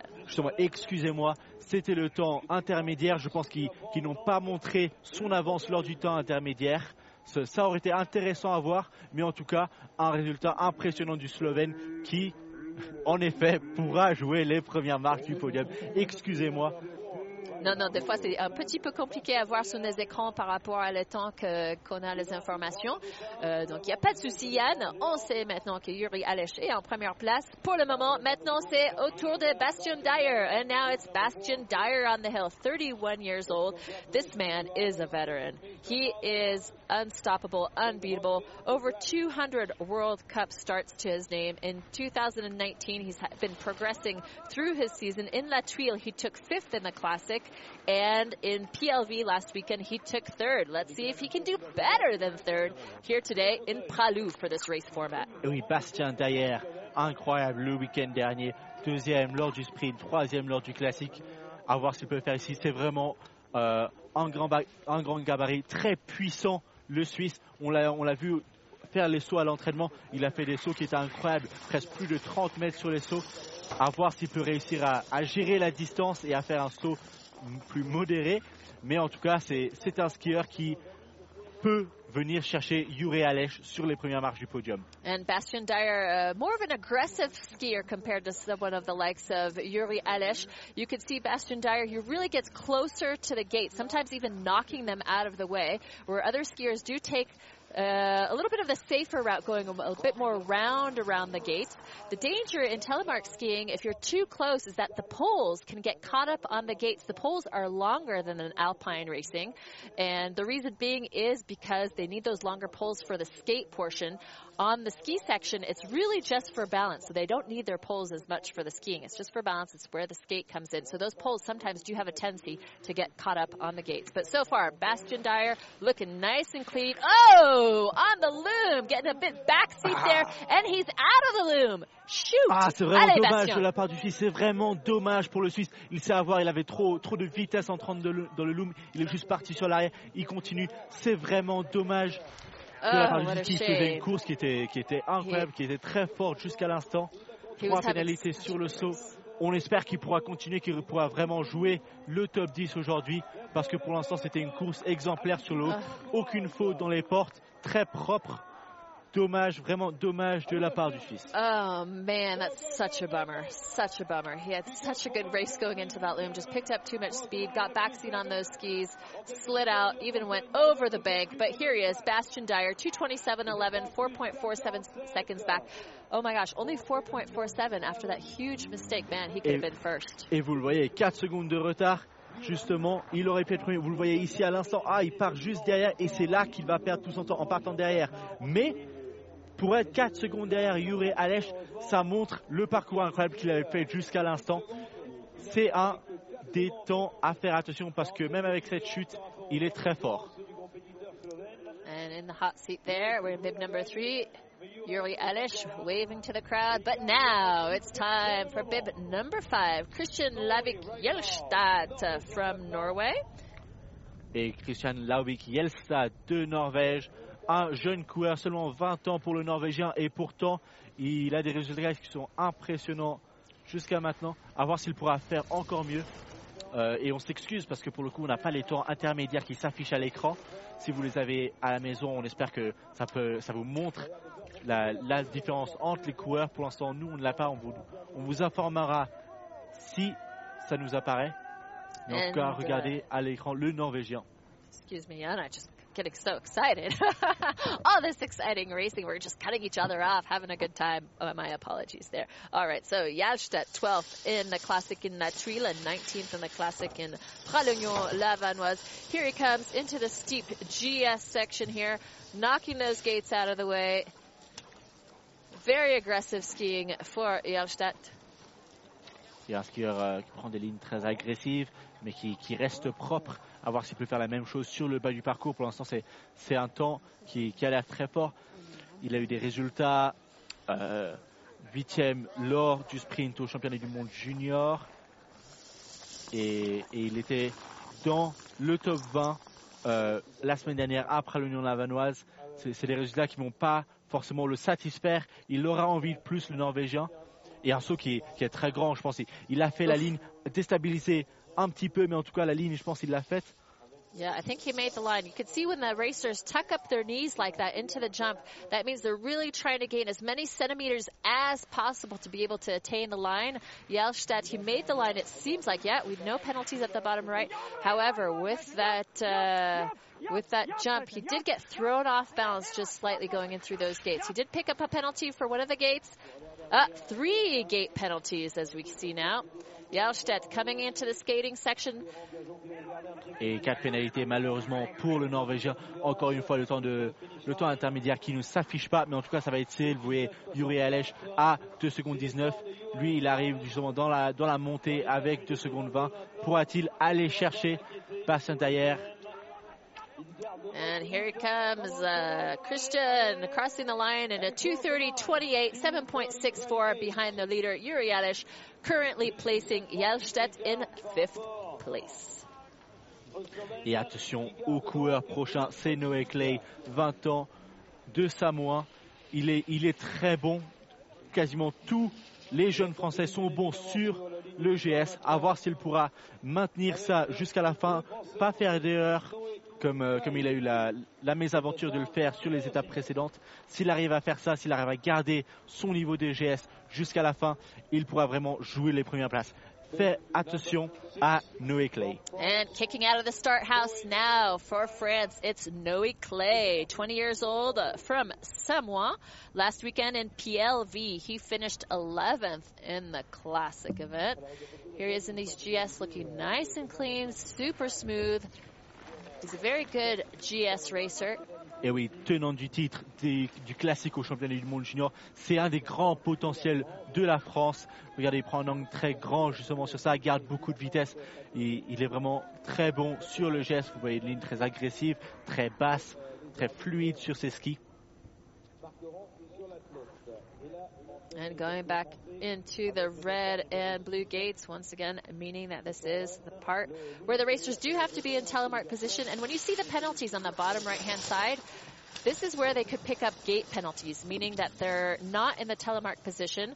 They might be gliding too. Oh no, no, it goes down, crashing through the gates. What happened there? I think it's probably not possible for him to climb up back through the gates and continue. Let's see what he decides to do. Et c'est vraiment dommage pour Noé Uh, Clay what a justement. shame. C'est vraiment dommage, on l'avait dit, on espère qu'il fait pas d'erreur. Il est juste parti un peu sur le, sur le côté, vous le voyez justement à l'image. Ah, il part, that gate, and that's what threw il him part un petit peu en avant. Yeah. Vraiment dommage pour le français, un, un garçon qui, qui, est- qui a beaucoup de potentiel, très physique. Il nous dit qu'il qu'il aime participer au classique. On, on- on l'attendra demain lors du sprint. C'est vraiment un des, des noms à faire attention. S'il fait une course propre, il peut vraiment jouer les premiers rôles. Il était cinquième justement à Rjukan en Norvège l'année dernière. On, on espère pour lui qu'il n'y a pas de souci et qu'il pourra se remettre pour demain. Uh, he was looking so good, Jan, but I guess there's always that fine line between really pushing the limit and taking the risk. And I guess just uh, he pushed the limit a little bit too far, caught that gate, got thrown off balance. But Noe Clay, let's not get discouraged, Noe. Tomorrow's a fresh new day. We're going to see you tomorrow on the sprint for sure. Woo, Yuri Elish doing some little wave action there with his dancing in the hot seat. et Yuri Alech sur, pour l'instant, la première marche du podium. Faire attention au dossard numéro 7, Trim Leuken, justement un, un autre des grands favoris, un autre des grands noms dans cette course à Pralou aujourd'hui. Il était premier lors du classique à la tuile, il était premier lors du sprint à la tuile. Il était justement deuxième dans le classement général l'année dernière. À voir ce qu'il peut nous faire aujourd'hui. Un nom à surveiller, une course à faire attention. And here we go now. Heavy hitter. Here's a big name, one of our favorites. Trim Loken from Norway, wearing the overall blue leader bib, kicking out of the start house now. Et oui, deuxième lors la semaine dernière lors du classique après l'Union Havanoise. C'est un très bon skieur, encore meilleur sur le skating. Il, il fait des performances qui, qui sont astronomiques. Il, lors du, sur le skating, il, vraiment, il, il, est le plus fort. exactement, il- incroyable. All right, so Trim look, and he's extremely good at the skating. Last week in Pralognon Lavanoise, when we were taking the various splits on the two different skating sections, he was by far the best skater. Extremely fluid, smooth, excellent technique. That's where he excels. So this race, once again, not too heavy on the skating portion, but Trim Loken, overall, all around great telemark athlete. And uh, he was second in the classic in PLV last weekend. Et on voit justement, il passe là où Noé Clay a chuté. Il passe propre. Et on voit sur ces virages une technique très particulière. Il dérape un peu sur le haut et après il coupe à l'intérieur, gardant la vitesse. C'est, relativement stable comme technique. Ça lui permet de, de gagner et d'accélérer à la sortie du virage. Pas beaucoup de gens utilisent le, le même système, mais justement lui le fait à la perfection. À voir si ce sera assez pour faire mieux que Yuri Alech, à voir ce qu'il fait sur le saut à l'instant. And yeah, in those gates, taking a very direct line. Uh, they all have a little bit of trouble after that red gate, don't they, Jan? They all have to, looks like they put on those brakes in order to make it through the blue one. Et oui, justement, il y a beaucoup de vitesse en sortant du saut. Il faut justement maîtriser ça pour réussir à aller chercher euh, cette porte, enfin, ce- cet enchaînement de deux portes après, alors qu'on entre dans le skating. And going into the yellow gates, that means they are free to do what they want. We traditionally call this the skating portion. This is where, once again, Trim is extremely good. Et oui, la semaine dernière, on prenait les temps après l'Union Lavenoise lors du classique. La, la moyenne des autres concurrents était aux alentours des, des 23 secondes. Personne, seulement une personne était à 21 secondes. Et vous le voyez, moly! Et vous le voyez, Trim qui était à 20 secondes la semaine dernière, le seul, il, il est incroyable sur le skating, incroyable sur le, sur le GS. Et ça paye, vous voyez, 5 secondes d'avance. Incroyable de la part du Norvégien. And Trim Loken taking the lead by over five seconds ahead of Yuri Adish. That is absolutely phenomenal racing for Loken. What an extremely good uh, run for this young man from Norway. Et Eh oui, incroyable, incroyable ce résultat de Trim. Yuri malheureusement doit céder sa place. Oh, yeah. But he was in there for a while, so that was nice for Yuri to be in the hot seat for a while. And now, next up, it is Sivert Hule wearing bib number eight uh, from Norway. Over 89 World Cup starts to his name. Last weekend in PLV, he took fourth, so he was just at the base of the podium last weekend at the Classic. Let's see if he get up, get up on one of the top three steps here today in Pralu. Here he comes around the bank term. He's a very, very strong skier, one of the strongest skiers out there. Phenomenal upper body strength. As you can see, he's really stretching far, pushing on those poles to get through skate section and going into the giant here now. Up, that see that telemark position? Et Sivert Hull, justement un athlète très puissant, aussi un des plus grands gabarits sur le circuit. Beaucoup de force. Euh, Ces, bâtons en prennent parfois les conséquences, mais pour le coup, c'est un grand skieur et il a beaucoup, beaucoup. Il faudra faire très attention à lui parce qu'il a du potentiel et il peut jouer les premiers rôles. And he's taking a very direct line. We were fortunate to be able to talk to Sievert just before the race after their inspection. And he said the course was beautifully set, that the gates were very rhythmic, but pretty close together, making them difficult in, in and of themselves to, you know, transition from one to, one to the other, one to the other quickly.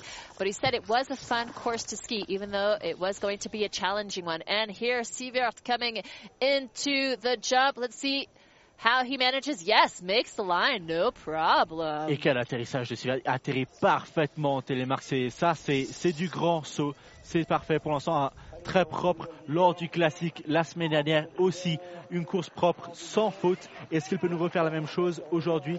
Il, il est un tout Yes, petit peu en retard. Et maintenant, du coup, on a les temps intermédiaires. On peut vraiment vous dire ce qui se passe. Ce- moins d'une seconde en retard, c'est vraiment ici que ça va jouer. And if he doesn't pick up any penalties, he's definitely in podium contention. Only 95 one hundredths of a second back at the split. Oh, he did pick up a gate penalty, which we see now, which is uh, on our screen. There's always a little bit of a delay by the time the gate judges wave their flags and we get the information down here officially. And here comes Sivert Hule from Norway, pushing, pushing. Using that upper body strength. Final stretch coming in with a time of 2:23:36. Uh, a fourth position. Aïe aïe aïe. Encore une fois, au pied du podium, Sivert. C'est, dommage, mais en tout cas, il a fait euh, un géant et un saut tout à fait admirable. Ça, ça va vraiment payer pour la, la suite du, du parcours. Ce sera vraiment une, une expérience sur laquelle il pourra bâtir. I Mais- think that was mais- the best looking jump uh, so far. What do you think, Jan? That was Eh good. oui, un, un saut qui, qui est très propre. C'était vraiment du, un saut euh, exemplaire de la part du Norvégien. Can see Yuri Aleš, the Slovenian, speaking with uh, Trim Lukin, the current leader. Next up, wearing bib number nine from France, it's Théo Sion. Théo Sio, encore un de ces jeunes athlètes français qui excellent dans le GS. À voir ce qu'il peut nous faire ici. Ah, encore une fois, j'ai eu une, une Ah. petite, une petite, ah, une petite imprécision de la part du français. C'est dommage, ces jeunes français, ils sont très forts, mais peut-être que leur manque d'expérience fait en sorte qu'ils font des petites erreurs. En tout cas, on sait que ce sont des noms qu'il faudra surveiller. Ce sont des, des personnes qui vont être sur le podium vers la fin de saison, vers la fin de cette saison ou les saisons à venir. En tout cas, faites attention à ce nom. And Teo, slight mistake. Oh, and another one. Ay, ay, ay, Teo. Getting, getting stuck on the gate. But he's still going. Good for him. Allez, Teo. Gaining that experience, despite the errors, despite the mistakes, if they don't miss the gate entirely, then it's so great just to see them continuing. However, to get that mental aspect back after the these mistakes, you know, you just gotta switch on, switch off, boom, boom, boom, get out there and go. Et c'est vraiment dommage pour Théo encore une petite erreur, mais en tout cas on espère qu'il pourra apprendre de ça, parce que c'est un, un- un des athlètes, il, est- il a seulement 20 ans, Euh, on, on l'attend dans les saisons à venir, en tout cas c'est un des noms qu'il faudra s'en rappeler justement. Troisième lors du classique au championnat du monde junior, à voir ce qu'il fera cette année. Euh, on vous rappelle qu'ils seront en Slovénie à Kravarec dans quelques semaines. Ce sera vraiment intéressant de suivre les performances des jeunes Français And Teo still was skiing very aggressively towards those last GS gates before the jump there. Didn't look like he made the line. Et ça vous montre l'état d'esprit de ce jeune homme. Il ne, il ne lâche rien, il continue jusqu'à la fin. Et, et ça peut payer. On, on peut l'attendre dans euh, le. Ah ben voilà, vous voyez, 5 secondes de retard, ce n'est, pas beaucoup. Yeah, ça, il peut encore jouer les, le top 15. C'est oui, très, très, très yeah, facilement un five top 15 seconds pour back Théo. at the split. You know, after all, he had quite a few mistakes. So considering the mistakes that he made, five seconds back is not bad at all. If he can make a top 10, top 15 to have those fizz points, that would be great for uh, Teo after, Et oui, after Théo this qui a fait une race. erreur euh, lors du classique appelé en ballonnaise. La semaine dernière, il a fini 18e. Mais en tout cas, ici, il peut faire mieux. 4 secondes de pénalité. C'est dommage, mais en tout cas, une performance qui, qui montre euh, du grand potentiel pour euh, le, le jeune français. And Teo finishing in a 230.96, eighth place, uh, just under 14 seconds behind uh, Trim Lukin. So there are still quite a few athletes to race here for the men, but uh, yeah, it'd be great to see Teo in the top uh, top 15. Et dans le portillon des départs, c'est Amund Mosterhaugen, 7e lors du sprint euh, à Pralunion Lavanoise la semaine dernière. C'est à faire attention aux compatriotes de Trimloken que vous avez à l'image. Wearing bib number 10, representing Norway, it's Amund Moster Hogan. Now, he took seventh in the classic in La Tuile earlier this uh, year, and he took ninth in the sprint in La Tuile. And let's see, he did not finish the classic in PLV. He did crash out last weekend, so hopefully he'll have a better race here in Pralu. est 12e au classement général l'année dernière. C'est un des Norvégiens qui est là. Et, ils sont, ils sont pas énormes, énormément les Norvégiens. C'est surtout des côtés des, femmes qu'il n'y a que euh, euh, Guro Helde Schelseth justement qui, qui court. C'est dommage de ne pas avoir beaucoup de jeunes Norvégiens parce qu'on sait qu'ils ont le potentiel dans les juniors. Si on regarde les résultats des championnats du monde junior l'année passée, il, y en a beaucoup. Il y a Henrik Böckbrin, il y a Eric Wernberg. Euh, et oui, ce sont des jeunes qui ont beaucoup de potentiel. Michael Leuken aussi. Et, du, côté, du côté des femmes aussi, que ce soit Andrea Fiskahaugen, Goril Strom Eriksson ou encore toute une autre euh, avant-garde. C'est vraiment dommage de, ne pas en voir beaucoup. On se doute qu'on les verra en Slovénie lors des championnats du monde junior ou même en, à Norvège quand on sera à Rukan dans, dans quelques semaines. And here comes Hogan into the jump. Let's see if he's to send it. Yeah! Et un, un, grand saut, il prend beaucoup de vitesse sur la fin du saut. Un atterrissage qui avait l'air euh, plus compliqué, peut-être qu'il prendrait une pénalité sur celui-là. En tout cas, il enchaîne vite, c'est propre pour l'instant. Est-ce qu'il va prendre pénalité On le verra.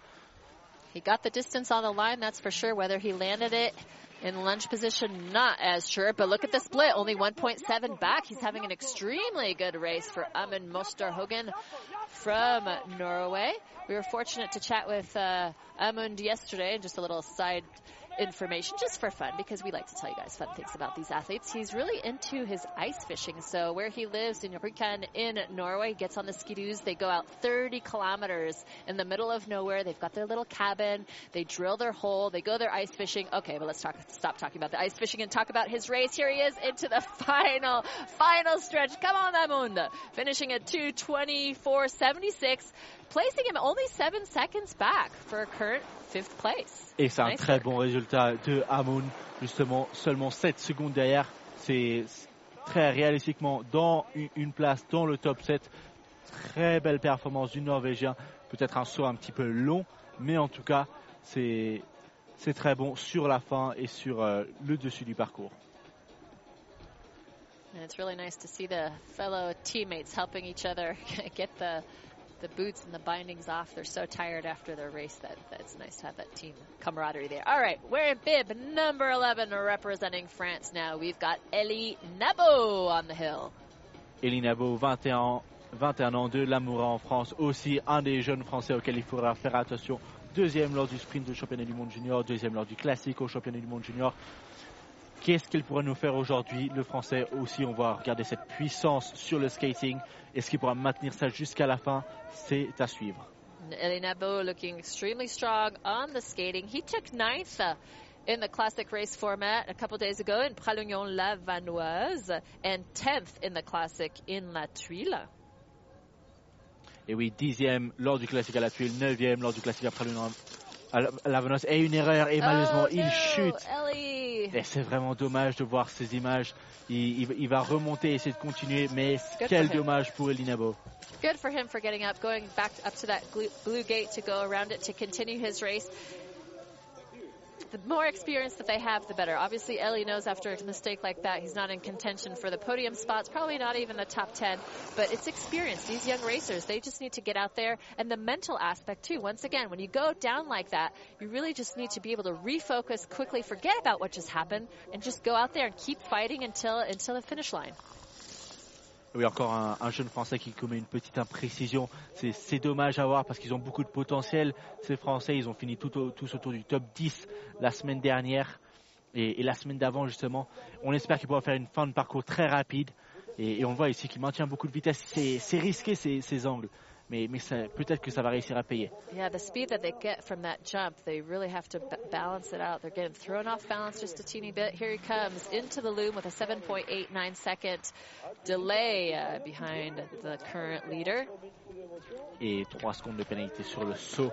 Aucune dans les portes pour l'instant. À voir s'il pourra, pourra maintenir ça et faire une position honorable. Pour l'instant, il a, il a très bien skié avant et après la chute. Ça montre ce, la, la force mentale du jeune français de l'Amoura. And Ellie picking up three penalties off the jump for not making the line. You can see Coach Julian there on the screen. Allez, Ellie Nabo wearing bib number 11, pushing hard. into the last few meters of his classic format. Allez, Eddie. And he finishes in a 235.38, placing him ninth place, 17.98, back behind the leader. Et vous voyez ces images justement, des virages qui sont très très larges. Justement, il part dans, dans la neige qui est, qui est plus molle, la neige qui s'est assemblée après le passage des autres skieurs. Ça, ça fait perdre du temps. Ça, fait ça, ça, peut mettre hors de position et, c'est compliqué à gérer pour le coup. Alors que Trim Leuken à l'image. Et puis Yann, on va faire un petit coucou euh, par rapport à Albin Tissot qui était avec nous, le commentateur français après l'Union Lavoinoise. Ici même, c'est Stéphane Matter, le coureur préféré d'Albin. Alors la semaine dernière, il nous a dit chut, chut, on n'avait pas le droit de parler pendant Et que oui. Stéphane euh, Et il oui, en effet, hein. c'est du grand ski ce qui nous propose Stéphane Matter, que ce soit sur le sprint ou sur le classique.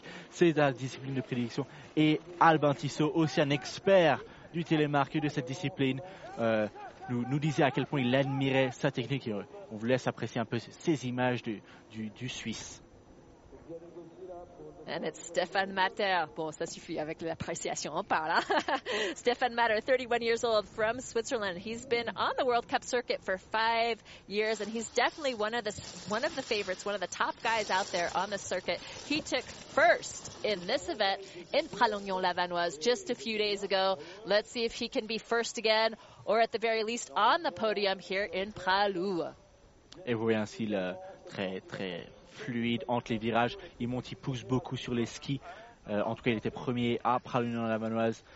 C'était une grande performance de sa part, exemplaire, une vraie leçon de, de télémarque. À voir si, ce qu'il va faire sur le saut. En tout cas, on espère qu'il prend pas de pénalité. Pour ça, c'est très propre dans les portes, beaucoup de vitesse. And he makes the line. Et vous voyez justement la vitesse avec laquelle ils arrivent dans cette porte. En tout cas, c'est très bien géré, très bien récupéré de la part du Suisse.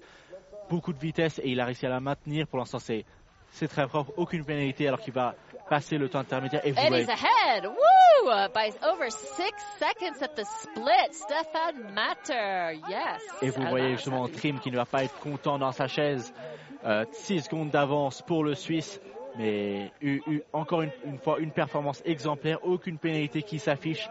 Ça, ça va être intéressant à suivre. No penalties that are uh, getting highlighted up on the board. Stefan Matter having a very clean run. The only little bit of a hiccup he had after the jump where he gained too much speed and needed to get into that blue gate.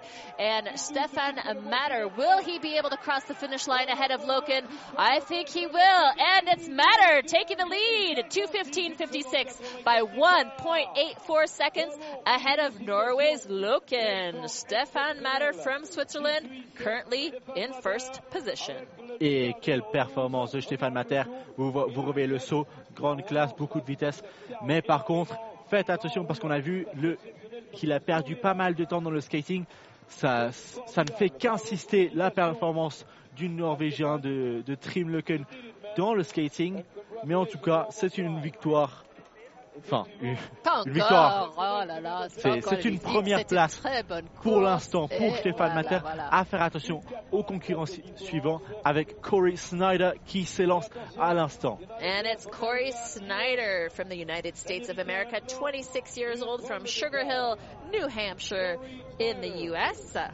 He's got about 70 World Cup starts. Corey Snyder going nice and wide, good, nice arc turns through these GS gates, good tuck position coming into the yellow skating section around the 360. No, it's not a 360. Around the bank turn. I can't say it's a 360 because the racers on this bank turn they do not cross their tracks. So it's like a half half loom. Et Corey Snyder a beaucoup d'expérience pour l'Américain de 26 ans. Il, il vise des rankings dans le top 10. À voir si- s'il arrive à le faire. On voit peut-être une pénalité sur le, dessus. Mais en tout cas, un ski très propre pour l'instant. On espère qu'il pourra maintenir cela et aller chercher euh, une place dans le top 10 comme il l'espère. And uh, in PLV, Pralogno Lavanoise, he did finish 24th in this event, finished 17th in the sprint. In La Tuile, Italy, for the opening races of the 2019 season, he finished 16th in the classic race format. Let's see what Corey Snyder could do out on the hill today. Can he do some damage? This American, oh, a little bit of a mistake there, but he recovered well enough. une très bonne récupération après cette petite erreur de Corey Snyder. Euh, il a de la chance, il peut faire beaucoup des étapes de cette saison. Il est en train d'étudier, euh, il fait un doctorat à l'université d'Innsbruck en Autriche. On se réjouit de le voir à l'œuvre au long de la saison. Pour l'instant, il nous propose un ski très relativement propre, seulement deux, erreurs sur le haut. Pour l'instant, aucune sur le saut. On verra si ça va s'afficher. And Corey's kind of a funny guy. He answered our uh, questionnaire about the athletes, and we asked him, do they have any brothers and sisters or anything? And Corey mentioned, yes, he does have an imaginary friend brother who is called Sir Branchalot. and he was a professional jouster, apparently, this friend, Sir Joustalot. So Corey Snyder definitely always smiling, always happy, making jokes around. Really great to have him part of the World Cup circuit. He adds so much to the energy and the smiles out there amongst all the athletes. So uh, really cool to have Corey Snyder here out for the entire season this year. He's studying in Innsbruck, Austria, allowing him to spend most of the winter here in Europe. Uh, and here he is coming across the finish line momentarily. Corey Snyder from the U.S. with a time of 234.55, placing him currently in 10th. Eh, c'est vraiment dommage qu'il a pris ces, ces 7 pénalités, 4 dans les portes, 3 dans les sauts. Il avait fait plusieurs erreurs aussi après l'Union Lavanoise. Il avait pris quelques pénalités. Il n'était vraiment pas content de cela. Euh, les pénalités, c'est dommage, mais en tout cas, c'est une performance euh, qui n'est pas mauvaise pour Corey Snyder. On espère le voir de plus sur euh, le parallèle qui est sa discipline préférée, sa discipline de prédilection. En tout cas, c'était une bonne performance de Corey Snyder. Mais attention, au dossard numéro 14, c'est Phil Lau un expert du sprint, à voir ce qu'il peut nous faire dans le classique. En tout cas, c'est un, un, un des grands noms du télémarque. And now, kicking out of the start house, wearing bib number 14. He is one of the most experienced and veteran skiers on the circuit with over 210 World Cup starts. Last weekend in Pralognan-Lavanoise, he took eighth in the Classic and was the gold medal winner of the sprint format. Et malheureusement pour lui, il, est passé un peu trop grand. Vous l'avez vu, il a dû remonter justement après le virage. C'est dommage pour Phil, il a dû perdre un peu de temps. Regardez, il secoue la tête. Euh, en tout cas, il, était premier après le Navalas lors du sprint. Il était troisième lors du sprint à la tuile, deux erreurs qui lui ont coûté. Quatrième lors du classique à la tuile. Euh, il, a fait deux erreurs sur le haut du parcours. Là aussi, on a vu, ça fait déjà deux petites impressions pour Phil. En tout cas, on espère qu'il pourra faire un pas de parcours propre et ne pas prendre trop de pénalités.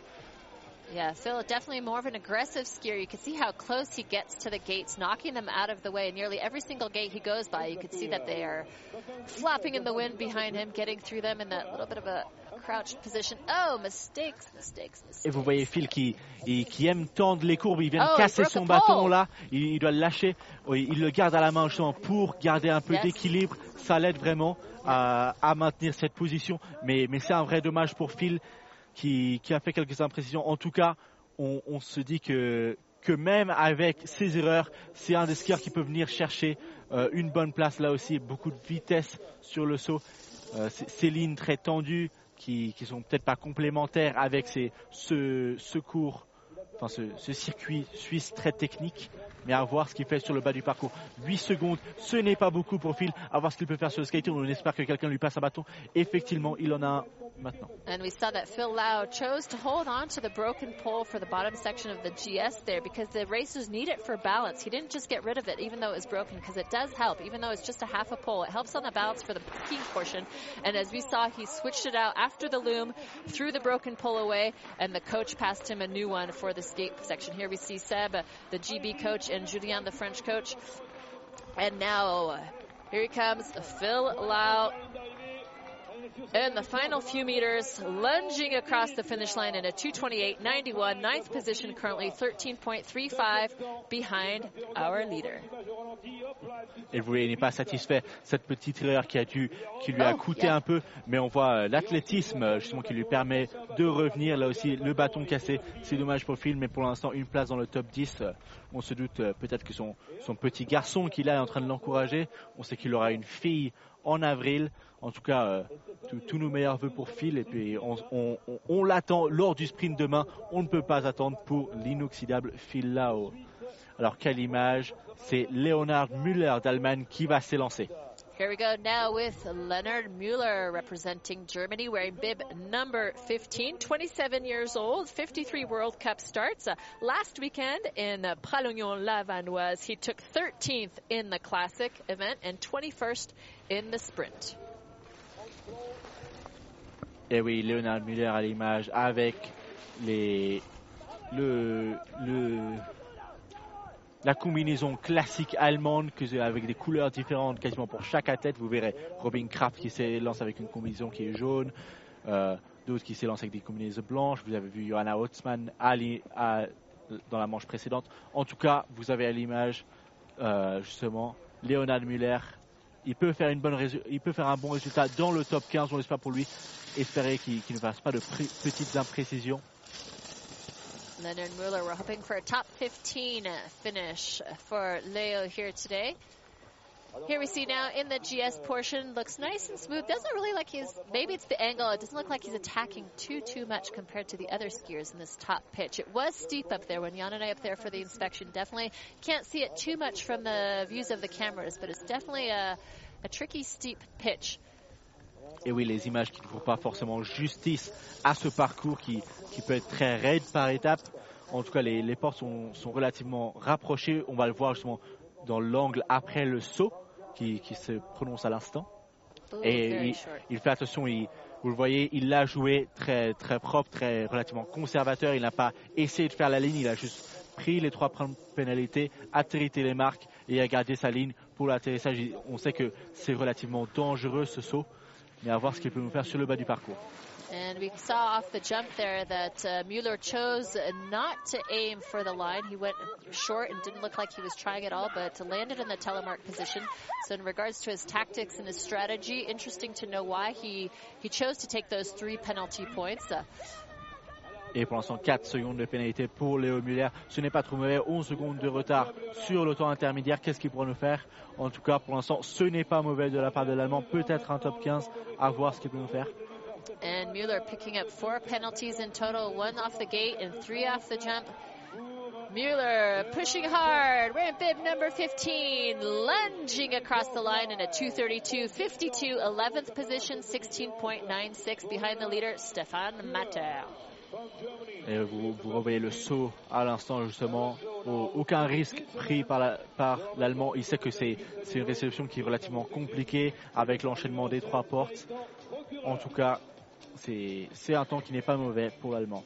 Alors que le prochain à s'élancer sera Gaëtan Procureur, le Suisse.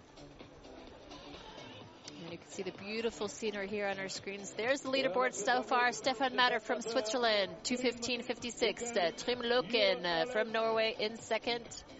And it just went too quick. I didn't see the third. Did you see the third, Jan? Uh, Yuri Alish was third. Ah, yes, Yuri. Thank you. Et oui, Gaëtan Procureur qui était 14e au classique de Pralognan-la-Vanoise. À voir ce qu'il peut nous faire aujourd'hui. Il y a une petite pause, vous voyez euh, Louis, Louis Hatchwell justement à l'image. alors que Gaëtan Procureur dans le portion de départ s'élance à l'instant. And now from Switzerland, 23 years old, Gaëtan Procureur, 67 World Cup starts last weekend in Pralognan-la-Vanoise. He took 14th in the Classic. And in La Tuile, he took 24th. Oui, 21 lors du sprint, 24e lors du classique à la tuile. Euh, il a du potentiel, il est monté, il a gagné quelques places la semaine dernière. Pourra-t-il faire la même cette semaine, en tout cas pensant ses preuves de la part du à voir ce qu'il peut nous présenter sur le reste du circuit et sur le bas du parcours. And Gaëtan is a student at the University of Lausanne, getting a bachelor's degree in art history and geography. And his best uh, memory from last season was the trip to the USA with his team. Oh, and it looks like he broke a pole. Gaëtan, his left pole, dragging there on the ground. He will hold on to it, as we mentioned before, because they do need it for the balance in this GS section. We'll see that after the jump, after the GS at the bottom, that he will take it off and switch it out to his coach for the skating part. But now he's skiing with only half a pole. Et vous voyez, il a cassé un bâton pour l'instant, Gaëtan Procureur.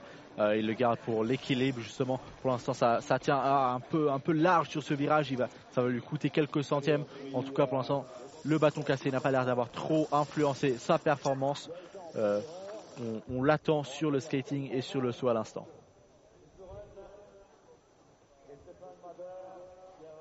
Gaetan Procureur coming up a bit short on the jump, but it looked like he did mar- land telemark. Voir, il a une position très basse lors des, lors des virages. Il vient presque toucher le sol avec sa main. Vous voyez justement là. All right, here you see, you can see he's touching his hand. Yeah, getting rid of that pole. Coming into the loom, 13.45 seconds behind at the split. Here comes his coach doing the pass up. Oh no! And the pass didn't go as smoothly as planned. Well, let's see if his coach will be able to intercept him at another point here on the skating. Et vous voyez Rudy Weber justement qui, qui s'agite pour lui donner ce bâton. Ça, la première n'a pas marché. Là, Right, maintenant et là, maintenant il peut continuer. Je pense qu'il n'a pas forcément perdu trop de temps sur le dessus. Il a réussi à vraiment pousser beaucoup avec les jambes. Euh, en tout cas, pour l'instant, il a l'air d'a- d'avoir pas mal de vitesse entrant dans euh, le skating selon trois pénalités sur le saut. Pour l'instant, c'est, euh, vous l'avez vu justement, un parcours très propre sur le haut et, et il va venir s'imposer, enfin pas s'imposer justement, mais avec un temps de 2,37. 237.44, placing Gaetan from Switzerland currently in 15. He's shaking his head. He's frustrated. A little teeny bit of mistakes up there, especially that pole breaking. That's enough mentally to get you a little bit uh, destabilized. And of course, the pass off with the pull from the coach at the bottom didn't go that smooth. Anyways, here we are. Moving on. Bib number 17. It's Christoph Frank from Germany. 20 years old. 19 World Cup starts for Christoph. Uh, last weekend in PLV, he took 10th in this race format. Et oui, Christophe Frank qui était euh, 16e lors du sprint à la tuile euh, et il est passé à 10e à Pralines-la-Vanoise. Qu'est-ce qu'il peut nous faire ici? En tout cas, on voit un des autres coureurs qui, qui monte un peu en puissance. On espère pour lui qu'il peut continuer ça aujourd'hui. Pour l'instant, c'est, propre de la part de l'Allemand. And Christoph looked really quick going through that banked turn in the yellow uh, free section there. Let's see how he negotiates through these GS gates. So far, looking really smooth, in control. Et pour l'instant, c'est, c'est, très fluide de la part de l'Allemand. Aucune erreur à l'instant. On verra si, s'il va en, en prendre sur le reste du parcours. Mais pour l'instant, ça, ça s'annonce bien. Pas forcément très rapide, mais en tout cas très stable. Et, ça, c'est peut-être quelque chose à prioriser sur ce parcours qui commence à devenir plus usé par l'enchaînement des coureurs. Yeah, that's true. As more and more athletes do come down the hill, there are a little bit of the, the transformation of the race course of the snow. It doesn't look like it's too bad in regards to the ruts, but definitely not the same course from the first to those on this latter half.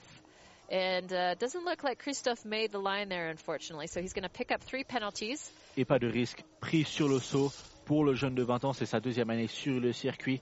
Euh, à voir ce qu'il peut faire. Il, il nous dit qu'il qu'il est très bon dans le loom et la partie skating. C'est à voir ce qu'il fait sur le bas du parcours, mais pour l'instant, c'est c'est pas mauvais. 12 secondes de retard pour le jeune Allemand. At the split, he's 12 seconds behind, and he did pick up three penalties for not reaching the line on the jump. Here he comes into the skating portion. Et on voit justement comme, comme ça fatigue, c'est pas, c'est pas forcément la, la même dyna- le même dynamisme qu'a mis Trim Leuken dans le skating, mais en tout cas, ça montre à quel point les jambes sont fatiguées. 5 pénalités pour l'instant, c'est dommage. Il, prend, il est très large aussi là, il a peut-être raccroché son bâton un petit peu, mais en tout cas, il continue à pousser l'Allemand. And Christoph Frank uh, picking up five penalties in total, and now he's crossing the line in a 234-32, 12th position for Christoph Frank from Germany. Et pas Next mauvais pour euh, le garçon qui, qui, ça ne fait que 3 ans qu'il télémarque. Ce n'est pas mauvais, c'est un résultat qui prendra une bonne expérience. Alors que Adrien Etiévan, à l'instant, part. Adrien Etievant representing France, 20 years old. He has 19 World Cup starts to his name. The first one is back in 2017. Last weekend in Pralognon-Lavanoise, he took 12th in the classic and 9th in the sprint. So really good re- results for young Adrien. Oui, Adrien Etiévan fait partie justement des jeunes coureurs français euh, qui sont en train de monter, justement 11e lors du classique au championnat du monde junior l'année dernière. Il était 12e lors du classique à Pralognon-Lavanoise et, on, et 9e lors du sprint. Euh, il faut se méfier de ce jeune garçon. On ne l'attend pas forcément au même niveau que d'autres, mais en tout cas, c'est, un de ceux-là qui, vient jouer les perturbateurs. Yeah, that's true. Uh, he's definitely one of those guys you need to watch out for. You wouldn't necessarily expect him, looking at him physically, to be one of the strongest uh, uh, men out there, but he's he's good. He's consistently, you know, in the in the top ten, the top twenty. Um, I think he's an up and rising telemark skier, so got to keep our eyes on Adrien. Oui, seulement 20 ans pour l'instant pour le jeune français. Pour l'instant, c'est très propre, relativement stable, même si on voit que, que les skis tremblent un peu sur certains virages. Ce sera l'usure du parcours. Ah, il arrive sur le saut, euh, c'est très propre, un saut qui est, qui est, très grand, beaucoup de vitesse. Vous voyez l'instant, il arrive à récupérer. C'est compliqué, c'est compliqué. Oh, oh, oh, don't lose it, Adrien. Allez, hang on to it. Ah, no! Ah, il But he's going, to, he's going to go get it. He's going to go get it. Good for you. Ah, c'est vraiment dommage pour Adrien qui faisait une course qui était très bonne. Ah. Ça montre la dangerosité du saut. C'est pas forcément facile à négocier. On se disait avant que c'était un des, des, endroits clés sur ce parcours. Euh, on n'a pas forcément vu beaucoup de gens tomber ou faire des erreurs massives, mais certains peuvent quand même se faire avoir. C'était malheureusement le cas d'Adrien qui réalise un, haut de parcours qui était, qui était très honorable. À voir ce qu'il peut faire sur le bas. Malheureusement, cette petite erreur veut dire qu'il ne sera pas forcément en grande contention. Yeah, that top section of his race was great. That jump, just getting that speed, that's where they really have to balance between uh, getting the line, managing their speed, not going too far and missing the gates and being too late into their turns. But Adrien Etivian, still a young racer, a lot to learn. Every single race they're gaining experience and managing for the next one. So here he comes, a little bit tired, Adrien, finishing at 238.24, placing him 17th. Et il va s'en vouloir pour cette erreur, Adrien, c'est dommage. Euh, mais attention au prochain concurrent, Louis Hubert d'Allemagne, aussi un des jeunes qui peut venir jouer euh, le top 10. Attention aux jeunes Allemands de, de, de 17 ans seulement. Louis Uber from Germany now, young racer, 17 years old. This is his second year on the circuit, 15 World Cup starts. You can see him coming through the bank turn there, pushing hard on those poles. Uh, he finished 15th in the Classic in PLV a few days ago, and he did get DQ'd, unfortunately, on the sprint. Let's see here oui. if in the Classic this year or this weekend in Palu he can get another top 15 finish. Et oui, mais, euh, Louis Hubert, justement, 17e lors du classique à la tuile, 15e lors du classique après le la Vanoise. C'est un grand potentiel pour euh, un garçon qui n'a seulement que 17 ans. Il va accumuler beaucoup d'expérience et, on ne doute pas que, que dans 2-3 ans, il sera vraiment euh, une grande tête d'affiche. And Louis does have an older brother, Max, who is also racing. Max will be starting in about two bibs. So it's Louis' turn first. Skiing nice and safe, nice and clean, wide around these gates, good arcs, not taking too many risks. Et il faudra faire attention pas se faire surprendre, justement, comme il l'a fait presque sur le dessus. Et comme l'a fait Adrien Thivan, un bon saut. Euh, vous le voyez justement, la vitesse avec laquelle il arrive. Beaucoup prennent euh, cette porte rouge avec beaucoup d'amplitude. C'est une erreur auquel il faudra faire attention parce qu'il faudra en coller pour réussir à entrer dans cette porte bleue avec le plus de vitesse possible. En tout cas, pour l'instant, ça n'a pas l'air d'avoir trop gêné son temps. Une pénalité sur le saut, 9 secondes de retard, ce n'est pas mauvais pour l'Allemand. And 9.63 back at the split. Not bad for Louis Uber here. He's picking up one penalty off of the jump for not landing telemark. That means, once again, he's made the line. Just to remind you, if they get three penalties on the jump, that means they didn't make the line. And if they don't land in telemark, they get one penalty. Ça peut être très, seulement une pénalité, comme on l'a dit. C'est un résultat qui sera honorable. Il faut juste qu'il continue à pousser Louis, justement, sur cette montée. Continuer, il faut, même si les jambes elles brûlent, il faut continuer maintenant. And Louis Uber finishing in a 2.29 flat, placing him in 10th. All right, Louis, good results there for Louis. Next up, bib number 20 from Norway, Brag Osen Jølberg. This Et- is his first year on the World Cup, and he's got four starts. Et oui, Rag Ozen Jolberg, justement, première année sur le circuit, euh, un habitué du cassage de bâton.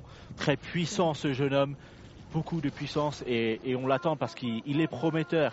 Il nous a montré ça dans les étapes précédentes. Euh, jeune, mais en tout cas, euh, 20e place lors du classique à Pralognan-Lavanoise. Et, et lors du, classique à la tuile. Il était 22e, donc c'est pas mauvais pour un jeune dans, une, dans sa première saison. And he took 20th at the Classic in Pralognon and uh, 22nd at the Classic in La Tuile.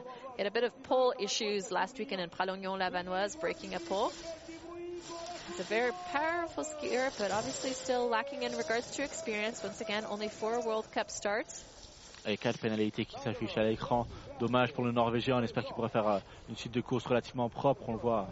Un, un style euh, qui que l'on pourra comparer presque à celui de, de Trim, peut-être pas aussi rapide, mais en tout cas, il a l'air de déraper un peu sur le virage. Et ah, ah dommage, il a l'air d'avoir perdu pas mal. Il s'est peut-être fait surprendre sur la petite transition sur le haut là. On espère qu'il n'a pas perdu trop de temps.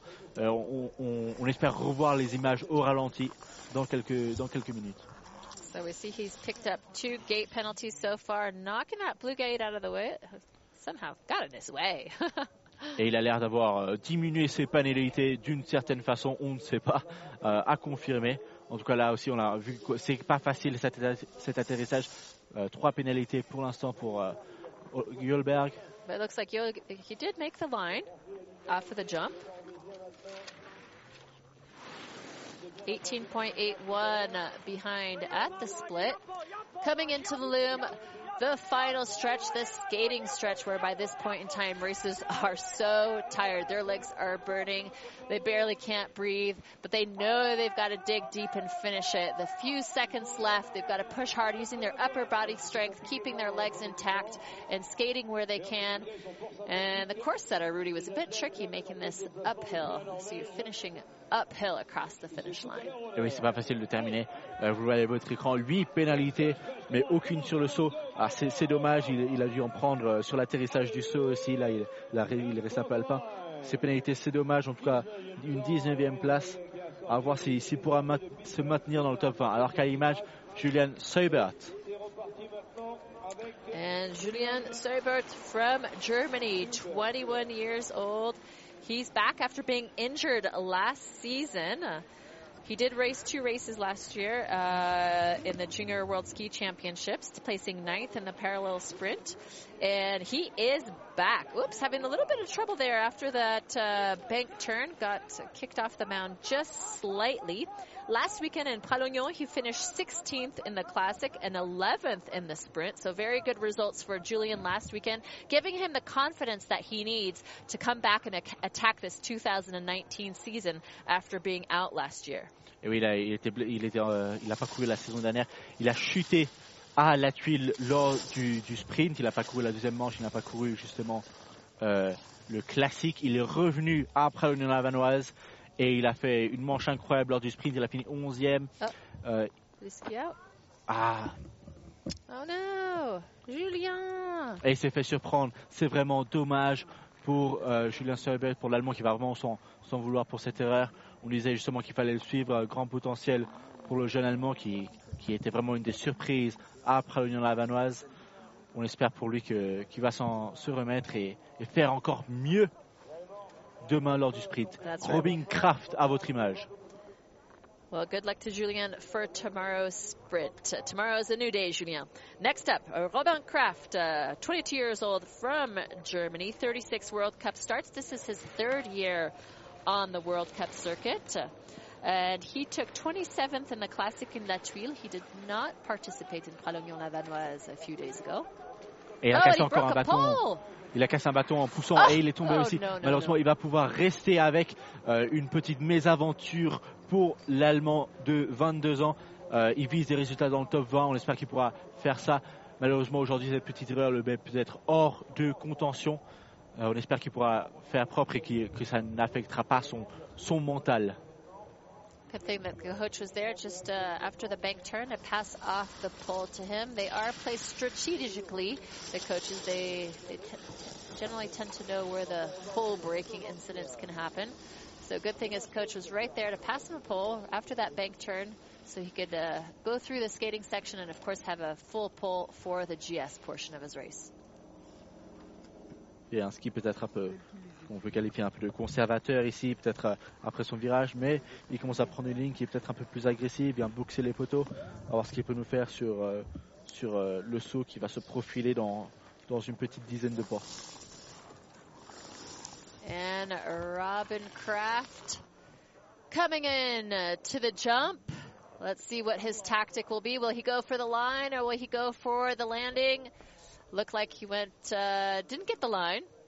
And, oh! Et regardez comme c'est compliqué. Justement, il, ça, ça l'a secoué l'atterrissage du saut. Il a, il a pris trop de temps à tourner. C'est malheureux pour lui. Il a pris un peu de temps. Quatre pénalités sur le saut. On dirait qu'il qu'il n'a pas essayé de forcément aller la ligne. Il sait que c'est une ligne compliquée à suivre et que c'est difficile à chercher. En tout cas, pour l'instant, c'est propre au niveau des portes. À voir ce qu'il nous fait sur le skating pour son, euh, 20, un peu plus de 20 secondes de retard. Robin picking up uh, four penalties for the jump, but no penalties on any of the gates prior to to the jump there, which is good. Here he comes, final section of the skating. Allez, Robin. Et trois pénalités dans les portes qui s'affichent justement à l'instant. Dommage pour Robin Kraft justement.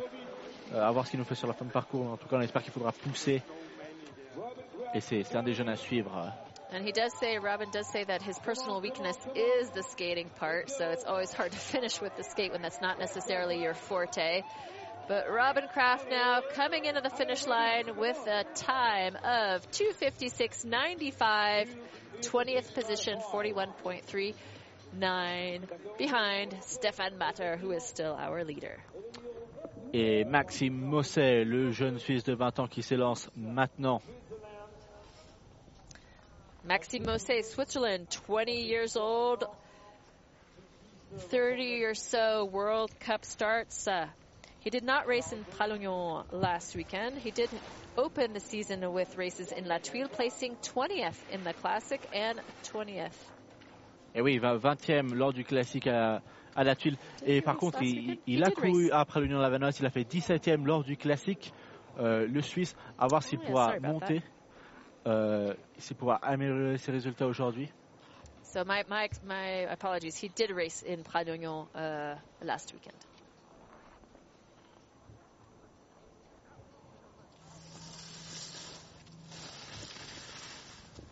And Maxime Mosse on the giant section here. Once again, the pitch does get a bit steeper. The gate judges on the side, the flags are down, so he's going through it clean, which is good. We don't want to see any gate judges waving those flags around because that does mean penalties for the racers.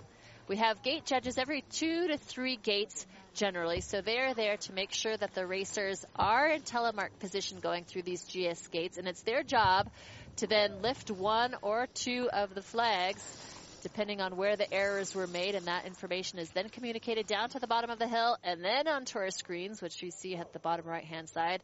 And uh, Maxime has picked up three gate penalties so far. It doesn't look like he's made the line either, so momentarily we'll, we'll see the penalties on the jump portion. Oui, pour l'instant, Maxime qui a accumulé trois pénalités euh, sur les portes, à voir s'il en accumule oui, effectivement trois sur euh, le saut. Il a atterri en télémarque à voir ce que, ce que ça lui permettra de faire comme temps pour l'instant. 23 secondes derrière. Euh, on espère qu'il qu arrive à casser le, to le, top 20 comme il l'a fait après l'Oignon, peut-être aller se chercher une place euh, aux alentours du top 15. And Maxime now has a total of six penalties, three off the gates, three for not making the line on his jump. But look, he's pushing hard. He's going for it anyways, even though he knows he's probably not going to be in the in the top spots here today. But maybe a top 20 for uh, Maxime. Et on le voit qui arrive à l'arrivée justement là. Euh, il continue à pousser ça. Vraiment, il est 19e, je pense, 19e. C'est pas mauvais. So 19th et, et son, son, son, compatriote Valentin Rodu à l'image qui, qui, entre dans, dans le, le, le demi-virage justement et, et, la partie haute du skating avec le dossard numéro 25. Valentin Rodu from Switzerland, 19 years old. Last weekend in PLV, he placed 23rd on the classic event and 25th in the sprint. Et oui, une 23e place lors du classique à Pralognon-Lavenoise. Ce n'est pas mauvais pour lui. Est-ce qu'il pourrait faire mieux pour l'instant Déjà une pénalité. C'est fait peut-être un peu surprendre, un peu accrocher sur cette porte-là.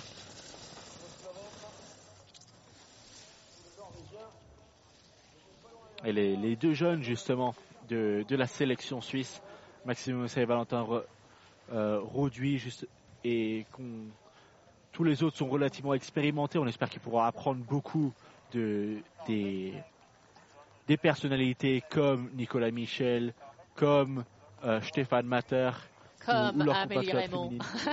exactly, yeah. Et leurs compatriotes féminines, justement, à voir ce qu'ils pourront faire cette saison. En tout cas, on espère qu'ils pourront se développer et, et jouer les premiers rôles dans quelques saisons. En tout cas, ils sont, ils sont, ici, ils sont ici pour apprendre, gagner de l'expérience euh, et, et apprendre. Et, justement, on voit un, un atterrissage euh, peut-être un peu court pour, pour Valentin. So Jan is saying that the Swiss team has a lot of depth and a, lot, a wide range of athletes. Obviously, the top athletes on the Swiss team being Stéphane Mater, Nicolas Michel, Amélie Raymond, and then they have those up-and-coming juniors on their teams as well. And what an advantage for these these young Swiss racers to be with the best in the world, being able to train with them, compete with them, and part of the same team. So the Swiss are are strong now, and they're going to be strong in the future. Oui, six, péna- six pénalités pour l'ensemble Valentin Roduit. Euh, ça doit pas être facile justement pour lui, mais il faut continuer à pousser. On voit, il continue. euh, quelle détermination. And he, uh, Valentin picking up six penalties, four off the jump, two off the gates. Wearing bib number 25, Valentin Roduit pushing with a little bit of strength that he might have left to cross the finish line in a 240.78, 20th position, 25.22 behind leader Stefan Mater. And now racing for Team GB. We've got.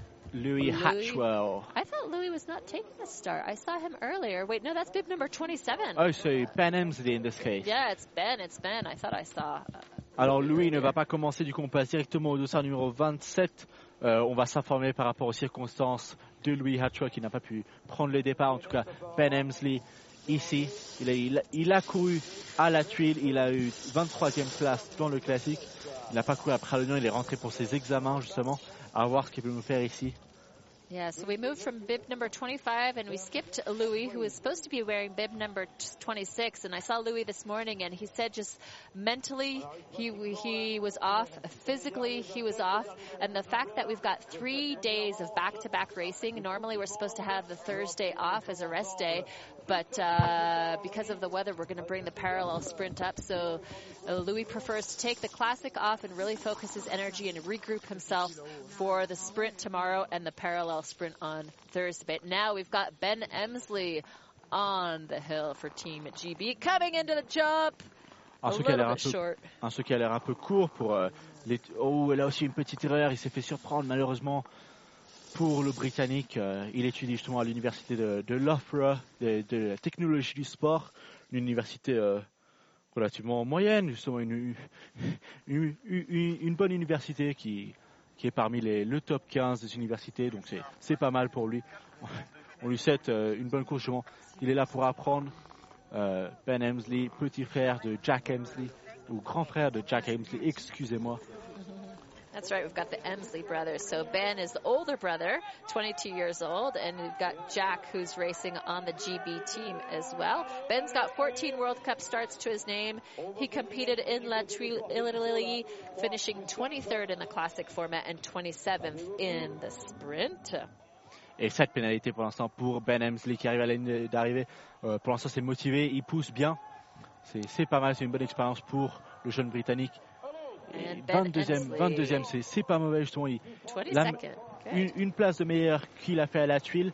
Mais attention, il reste encore quelques concurrents, quelques concurrents dont le russe Nikolai Isaev.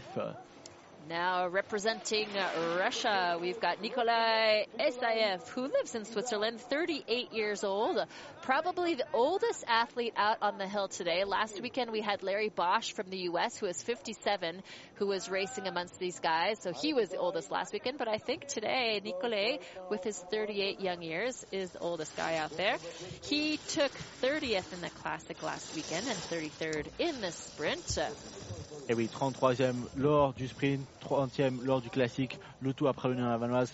On verra ce qu'il peut nous faire ici. euh, L'athlète russe, euh, qui est le seul à représenter la fédération russe, entraîné par euh, son frère Nikita, justement, qui, lui aussi était un coureur. Il a maintenant arrêté, donc c'est bien de voir ces athlètes de, de tellement de pays différents, comme, comme la Slovénie par exemple, avec Yuri Alech, à, à, voir ce qu'ils peuvent nous faire. En tout cas, ils représentent leur pays, ils représentent le, le sport dans leur pays. Et c'est beau à voir. And uh, Jan was saying that uh, Nikolai is coached by his brother Nikita, who's also a former telemark racer. Not very many uh, Russians represented. He's the only one, if I, if I am not mistaken. Eh oui, euh, encore euh, une personne seule à représenter son pays. Euh, on verra justement Rafael Malknecht qui va s'élancer pour l'Italie après, également le seul. Euh, pour cette saison, il m'a dit justement en parlant avec lui que, plusieurs juniors vont monter dans le circuit Coupe du Monde la saison qui vient. En tout cas, ça, reste à voir. C'est beau de voir le sport qui, s'élargit comme ça, alors que l'image est toujours sur euh, Nicolas Isaev qui, est en train de, de poursuivre sa course et pousser vraiment sur le skate. Il n'abandonne rien et c'est euh, très beau à voir. So Nikolai is picking up nine penalties. That's a bit much there. Six on the gates as we see. So that's most likely because he was not in the proper telemark position or was gliding a little bit too long in Alpine. That's where these guys can pick up these penalties at the gates. So it's kind of a lot. Nine penalties off of one run. It's not ideal. But hey, Nico, uh, Allez, Nicolai Nicolai. finishing in a 254.73. Et 23e place, c'est pas mauvais. That's all right, actually. C'est pas mauvais, vous voyez justement à l'arrivée son frère euh, Nikita qui, qui l'encourage. Pas mal, c'est pas mal, on espère qu'il pourra améliorer ça lors du sprint demain, alors qu'à l'image, Raphaël Malknert d'Ita- d'Italie, On the 17 ans screen. seulement pour lui aussi. On the screen now, Rafael Malknecht from Italy, 17 years old. He's a very novice young skier, only seven World Cup starts to his career. So he's out here for the experience. Once again, he's the only Italian racing here on the Classic today. Telemarking is definitely an up and coming sport, so it's not really developed in uh, many of the countries. We do see a lot of French athletes, a lot of Swiss athletes, quite a few from Great Britain, uh, from Norway. Uh, there's no Austrian athletes in telemarking, which is quite surprising because, you know, they have the mountains, they have the Austrian Alps, they're huge in the alpine skiing, but I guess it's just not developed enough in, in telemarking, and we're hoping that that will change over the years to come. Et oui, en effet, on disait que parmi euh, la nation autrichienne, il n'y a, personne qui, est en train de courir dans le championnat de, dans le circuit Coupe du Monde pour l'instant. Euh, Peut-être qu'ils sont enregistrés, à voir si, si ça se développe. Raphaël, justement, qui une petite frayeur peut- peut- peut-être sur l'atterrissage du il continue. Bon, une, une bonne performance, seulement une pénalité sur le haut pour euh, le natif du, du Sud Tyrol. Negotiating that jump, having a little bit of difficulty there, but uh, we'll see. Uh-uh. 40 penalties. I don't know. they put an extra zero on there. Our timing guys playing jokes on us over here. You can't get 40 penalties on the jokes. Come on, timing guys. He did pick up four penalties. However, off the jump, not making the line, not landing in telemark, and four on the gate. So total of eight penalties for Rafael Malknecht from Italy so far. Et pour l'instant, 8 pénalités pour Raphaël, qui, qui disait que c'était des conditions idéales pour skier, que ce soit le, le soleil, la neige était très bonne à son avis. En tout cas, euh, on va le voir qui termine ici, hein, euh, le, le natif d'Italie.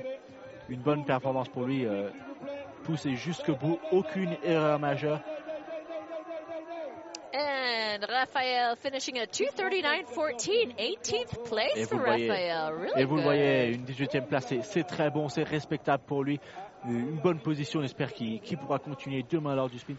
Alors que vous avez justement Arnaud Avocat Gros de France à l'image, dossard numéro 30. Arnaud Avocagro representing France coming into the banked turn, 17 years old. He had his first top 20 finish last weekend in the sprint at Pralognon-Lanvanevas, taking 19th place, and he took 28th in the classic format last weekend. Et oui, Arnaud qui préfère justement le sprint, peut-être une petite erreur, l'a vu euh, se, retarder sur le classique. Il était 28e, par contre, il était 19e sur le sprint. Ça vous montre euh, les, préférences du homme, alors que là aussi, ça peut peut-être euh, surprendre un petit peu. Yeah, these last couple gates, he's put his hand down, a little bit of difficulty, maybe in getting caught out by the terrain. Granted, he is one of the last ones to go, so the terrain and the conditions definitely are changing and evolving. We can see the sun hitting on the snow, so it's probably getting softer and softer, and a lot of these portions as well, manage, making it a bit harder to navigate through. Ah oui, les conditions de neige ne sont pas forcément idéales pour ces derniers coureurs, mais, mais qui ont vraiment envie d'aller chercher des, des, points. Vous voyez peut-être une, petite erreur technique à votre image, le, le temps de référence qui n'a pas été pris au bon endroit. En tout cas, pour lui, il va essayer d'aller chercher des points fixes.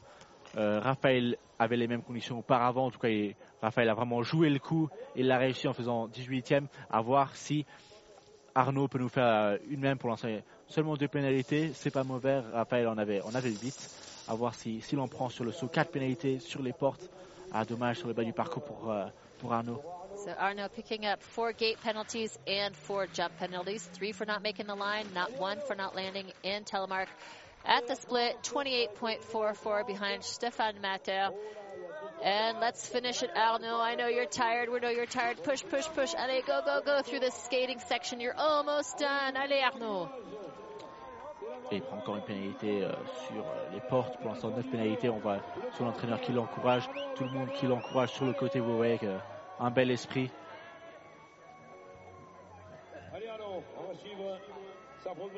Arnaud, va Avocat Gros, 17 years old. He's here for the experience. He's here for the fun. He's here for the pain. And most of all, he's here for the finish line, finishing in a 250-65. 24th place for Arnaud Avocat Et 24e position pour Arnaud. C'est c'est pas mauvais tout ça. On voyait tout le monde qui l'encourage à l'arrivée. Il va être content d'arriver. En tout cas, le dernier coureur, c'est Melvin Ray, aussi un Français. euh, né en 2002, à voir ce qu'il peut nous faire aujourd'hui, très, très jeune, première, première saison sur le circuit. Et un Français de Pralou. So, hometown boy, it's Ray Melvin here from the area. He's very young, 16 years old. I believe he's probably the youngest one out on the hill today. Uh, this is his first year on the World Cup circuit. He's got two World Cup starts. Oh no! Oh no! Et gonna malheureusement, il, il- est tombé justement juste là, et petit, petite erreur. But good for him. Getting up again, going for the experience. Oh, yo, yo, yo, yo, yo, yo, yo, yo. What's going on here? Having a little bit of difficulty regaining his 360, mais ça composure. Et continue euh, un petit 360 pour se remettre dans le rythme. En tout cas, là, ça, ça reste propre. On espère qu'il qu'il pourra garder sa ligne. Allez, Melvin. Let's hope he can shake that off and refocus on what's ahead of him.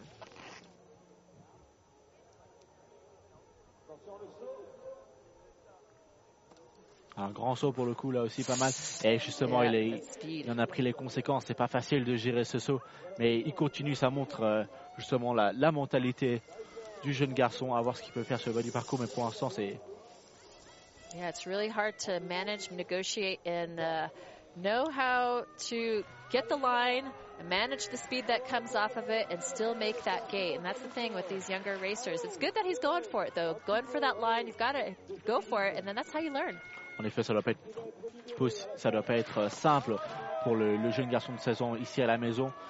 En tout cas, on espère qu'il pourra en retirer le plus et, et on l'attend vraiment sur, sur les, les sprints et le, le sprint parallèle demain. Mais, mais regardez, regardez cette énergie, regardez, il, il sent vraiment tout le monde qui l'encourage. And Melvin Ray coming along that final turn now into this uphill section, getting cheered on by somebody on the sidelines there, and it's Julien cheering him on as well. Allez, Melvin. Melvin Ray from France crossing in a 259.40, 27th place for Melvin Ray, a local Frenchman here from Pralou. Et on a maintenant les résultats. Euh, ils vont s'afficher à l'image justement.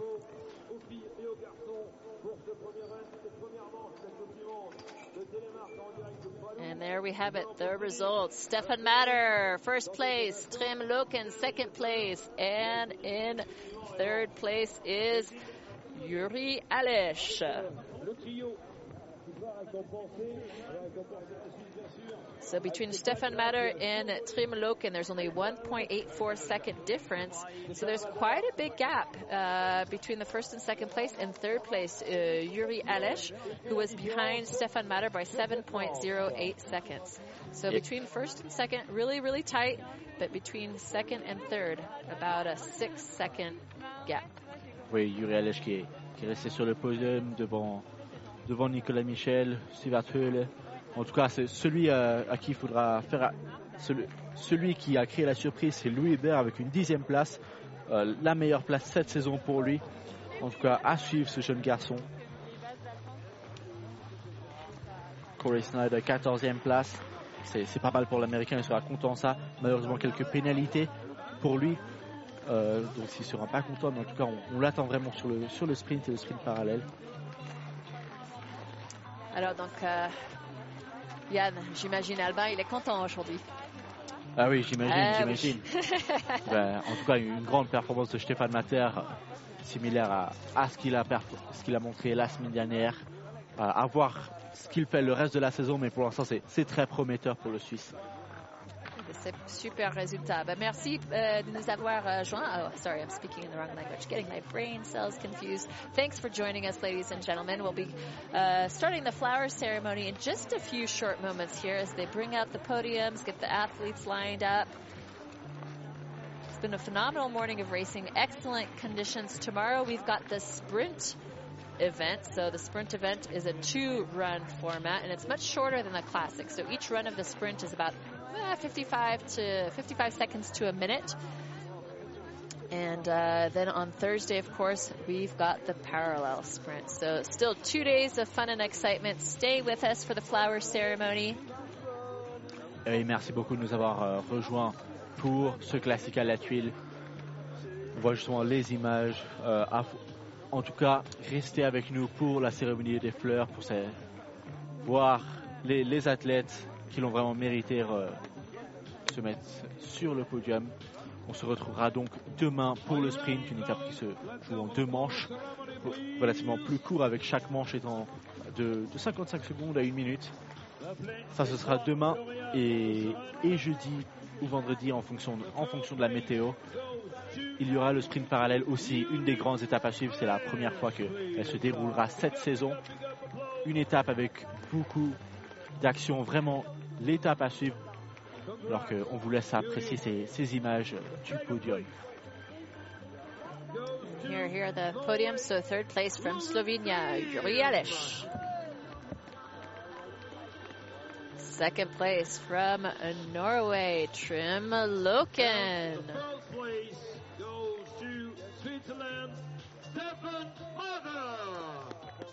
And first place, representing Switzerland, it's Stefan Matter.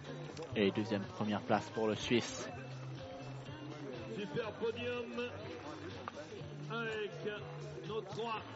En tout cas, merci beaucoup de nous avoir rejoints ce matin. Et, et du coup, on vous, on vous, laisse sur ces images et on vous laisse apprécier. Mais on se rejoint demain pour l'étape de sprint. Thanks for joining us, everybody. We hope you enjoy the race. We'll see you tomorrow for the sprint. Have a good one. The first of the week, the work Telemark in. Congratulations, guys. Yeah!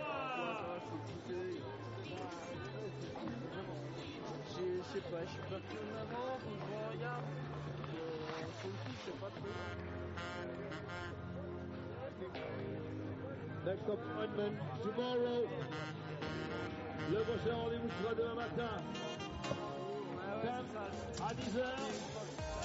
The first race starts at 10, 0, 0. The second, second set of the week. Et ce sera sur la piste, peut-être de Bonnet, toujours Bonnet.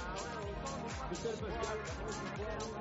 On se voit et on se donne rendez-vous dès demain. On laisse faire les interviews. Et à tout à l'heure.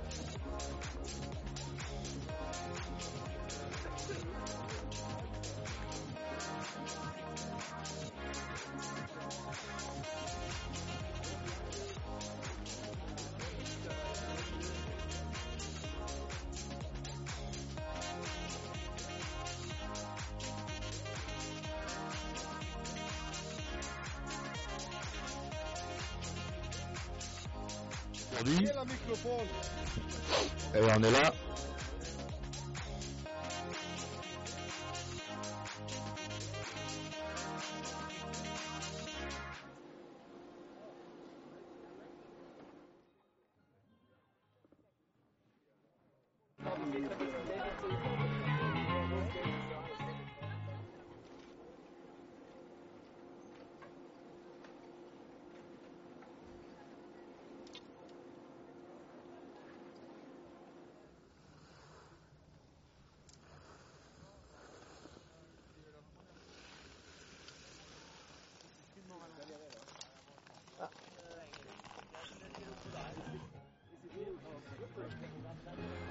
Ladies and gentlemen, uh, good evening um, and welcome one more time to the winner of this first race, the first run, Stefan Mara from Switzerland. Stefan, congratulations. It's uh, a very good race. What, how did you feel it today? Yeah, actually, I feel it really well.